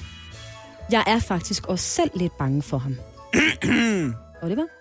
Det er øh, Paul Madsen i forbindelse med, at Joachim B. Olsen er blevet ansat som ny politisk kommentator hos Ekstrabladet. Så står den lige to point til Oliver og to point til Lasse. Det er, Ej, det det, det er jo ikke noget, han selv siger. Det er noget, der står i videoen teknisk set. Nej, der er også Han har sagt det i pressemeddelelsen, Ja, der er også en artikel, hvor det Ja, men det har han ikke sagt, jo. Så har jeg også skrevet og sagt. Vi skal videre til næste citat. Og den er, lidt, den er svær. Det er noget, man skal have fulgt med øh, i løbet af det seneste døgn. Jeg troede, det skulle være et hyggeparty som afslutning på min tid i Danmark, og så kom han med den der. Jeg kan fortælle, at vi er i fodboldens verden. Ej. Oliver Routledge. Det er øh, Åke Harreide, der er blevet slået til ridder af Dannebro. Det er nemlig Jeg rigtigt. vidste godt, hvad historien var, da du sagde hør, hør, så jeg vidste det godt. Det var irriterende. Jeg synes, du er en rigtig god vært. Giver du point for at fedte? Øh, måske. Vi tager det sidste spørgsmål her. Du har mulighed for at Er det sidste udligne. spørgsmål? Ja, vi har, du har mulighed for at, øh, at udligne. Den står 4-2 til dig, Oliver. Klart nok. er I klar? Jeg håber, du kan lide det nye quiz-tema, jeg har givet dig. Jeg synes, det er rigtig dejligt. Jeg kommer til at slukke min telefon, og så tager vi på campingpladsen. Hey. Oliver, du var hurtigst. Hvem har sagt det? Det har Arne. Det har han i forbindelse med, at vi talte med ham. Og det gjorde vi øh, onsdag morgen omkring øh, regeringens pensionsudspil. Og det han øh, svarede på, det var, at øh, vi spurgte ham, hvad han skulle lave i weekenden, når det blev fredag. Og sagde, at han skulle tage på camping og slukke telefonen. Jeg må simpelthen sige, at det er en øh, solid sejr til Oliver Routledge. Ja. 6-2. Det var en øh, fed quiz. Altid også. Tak skal du have. 6-2 til Oliver. Klokken er blevet kvart over 8. Det er rigtig hyggeligt, det her. Det skal vi aldrig gøre igen. Der er krise på blå fløj lige for øjeblikket, ikke? Og det er, vurderer Søren Pape Poulsen, fordi der er for langt imellem de blå partier simpelthen, ikke? Øh, men afstanden er alligevel ikke større, end at man godt lige kan rykke en lille smule sammen i bussen og finde ud af at, at have noget fælles fodslag, og muligvis løfte håbet om, at den der fremgangsrige røde blok, den kan bremses og måske skubbes tilbage igen, ikke? På ja. eget territorium, ikke? Så han har skrevet en kronik til Berlingske Tiden. Søren Pape mener, at øh, altså lige så stort behov, der kan være for hver en enkelt parti for at have sin egen distinkte profil, så der er en grund til at stemme på dem. Mm. Så der er altså også brug for, at Blå Blok som helhed fremstår som nogen, som kan arbejde sammen, hvis nu de skulle få regeringsmagten på et tidspunkt. Og det tror jeg er rigtigt, fordi vi har jo næsten ikke hørt om andet end splittelse siden valget sidste år. Ikke? Så er det ene parti uenig med det andet, og så man, der er ikke samling på det. Nej. Så det har Søren Pape taget på sig. Det kræver, at der er en, der stiller sig op, ligesom og siger, vi, vi er simpelthen nødt til at kunne finde ud af det her. Og i den forbindelse begynder man jo også straks at spørge Søren Pape, hvad, skal du være statsminister så, eller er du det virker da sådan på ham. Og der er han travlt med at sige, så længe Venstre er det største parti, så er det Jakob Ellemann Jensen, der er statsministerkandidat. Kan du garantere, at du vil pege på ham i forbindelse med et valg? Det vil være fjollet. Der kan jo ske hvad som helst, siger Ja, han så. selvfølgelig. Øhm, Yeah. ja. Men det er også, altså Søren Pape, okay, han, han nærmer sig 10 procent, ikke? Altså, det storhedsvandvid, hvis han tænker, jeg skal være statsminister. Ja. Der er alligevel lige, hvad er det, 8 procent point op. Men ja. den her kronik, som jeg kan forstå det, har han nedskrevet fem øh, pejlemærker, øh, som et Ja. samlet blå blok, blå blok undskyld, øh, skulle kunne samles om ifølge Søren Ja. ja. Pape, eller hvad? Har han lige været rundt og afstemt det med resten af Blå Blok? Nej. Han har bare skrevet den her kronik og sendt den ind og sagt, I kan læse det i avisen. Fordi det er sådan, man samler folk. Det er ved at kommunikere gennem avisen. Men det fede oh. af det hele, det er, at de fem punkter, og jeg gætter på, at han har pynset på et sjette punkt, som lyder, vi må kunne blive enige om, at når min kæreste flytter med folk i byen, og de bliver trætte af det, og til sidst tror ham med at pande ham ned, så skal de smides i fængsel. De mennesker, men de første fem punkter, de kan, de kan ikke rigtig tåle en nej-test. Ved I, hvad nej-testen er? Det er... Er det ligesom ikke-testen?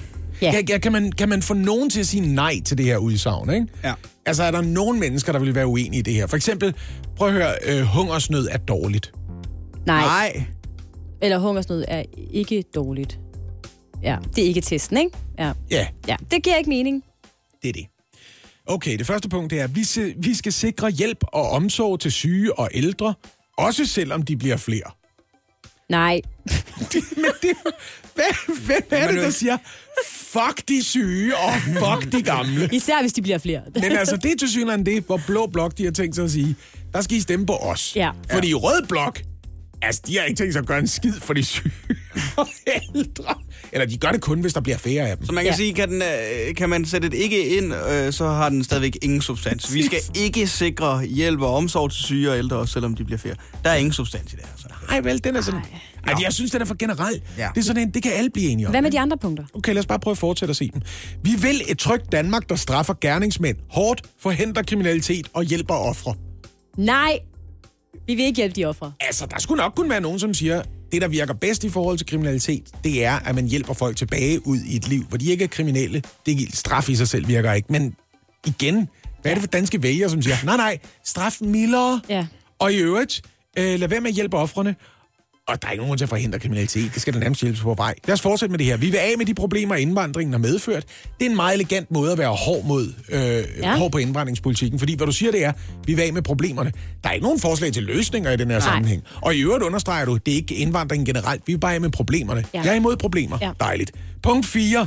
Vi ønsker en grøn omstilling, der ikke ødelægger vækst, jobs og konkurrenceevne. Det er jo sådan ligesom et forsøg på at sige, den grønne politik på øh, rød blok den ødelægger altså konkurrenceevnen i Danmark, fordi den, den synes, at klimaet er vigtigere, end om vi tjener penge. Ikke? Men øh, konservativ eller den borgerlige blok kan simpelthen både sikre grøn omstilling, og det kommer ikke til at betyde noget som helst for væksten, for det det. job. Jamen, vi vil altså. gøre det gode for klimaet på Men, en måde, som ikke koster noget. Ja, det er, det er jo også nede, det her. Det, det, ja. Ja. Vi skaber sund økonomi med flere private job i hele landet. Hvem er det, der er imod de her ting, Søren Pape?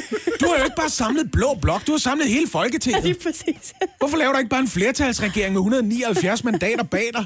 Det er med vildt, det her. Men det er måske derfor, han ikke lige har afstemt med resten af Blå Blok. Han tænker, det her kan de simpelthen ikke være uenige i. Altså, er lige, der er ikke nogen, der, der har indvendinger her. til lige at spørge Jacob Ellemann på forhånd. Men I virkeligheden så er det jo bare et udtryk for, for Søren Babe, han gerne vil tage sig alvorligt som statsminister, tror jeg ikke det? Jo, det, det er mere et spørgsmål om, han tænker, hvis nu Jacob Ellemann, han snubler i sin egen snørebånd, så står jeg klar til at sige, jeg står stadig op. Ja.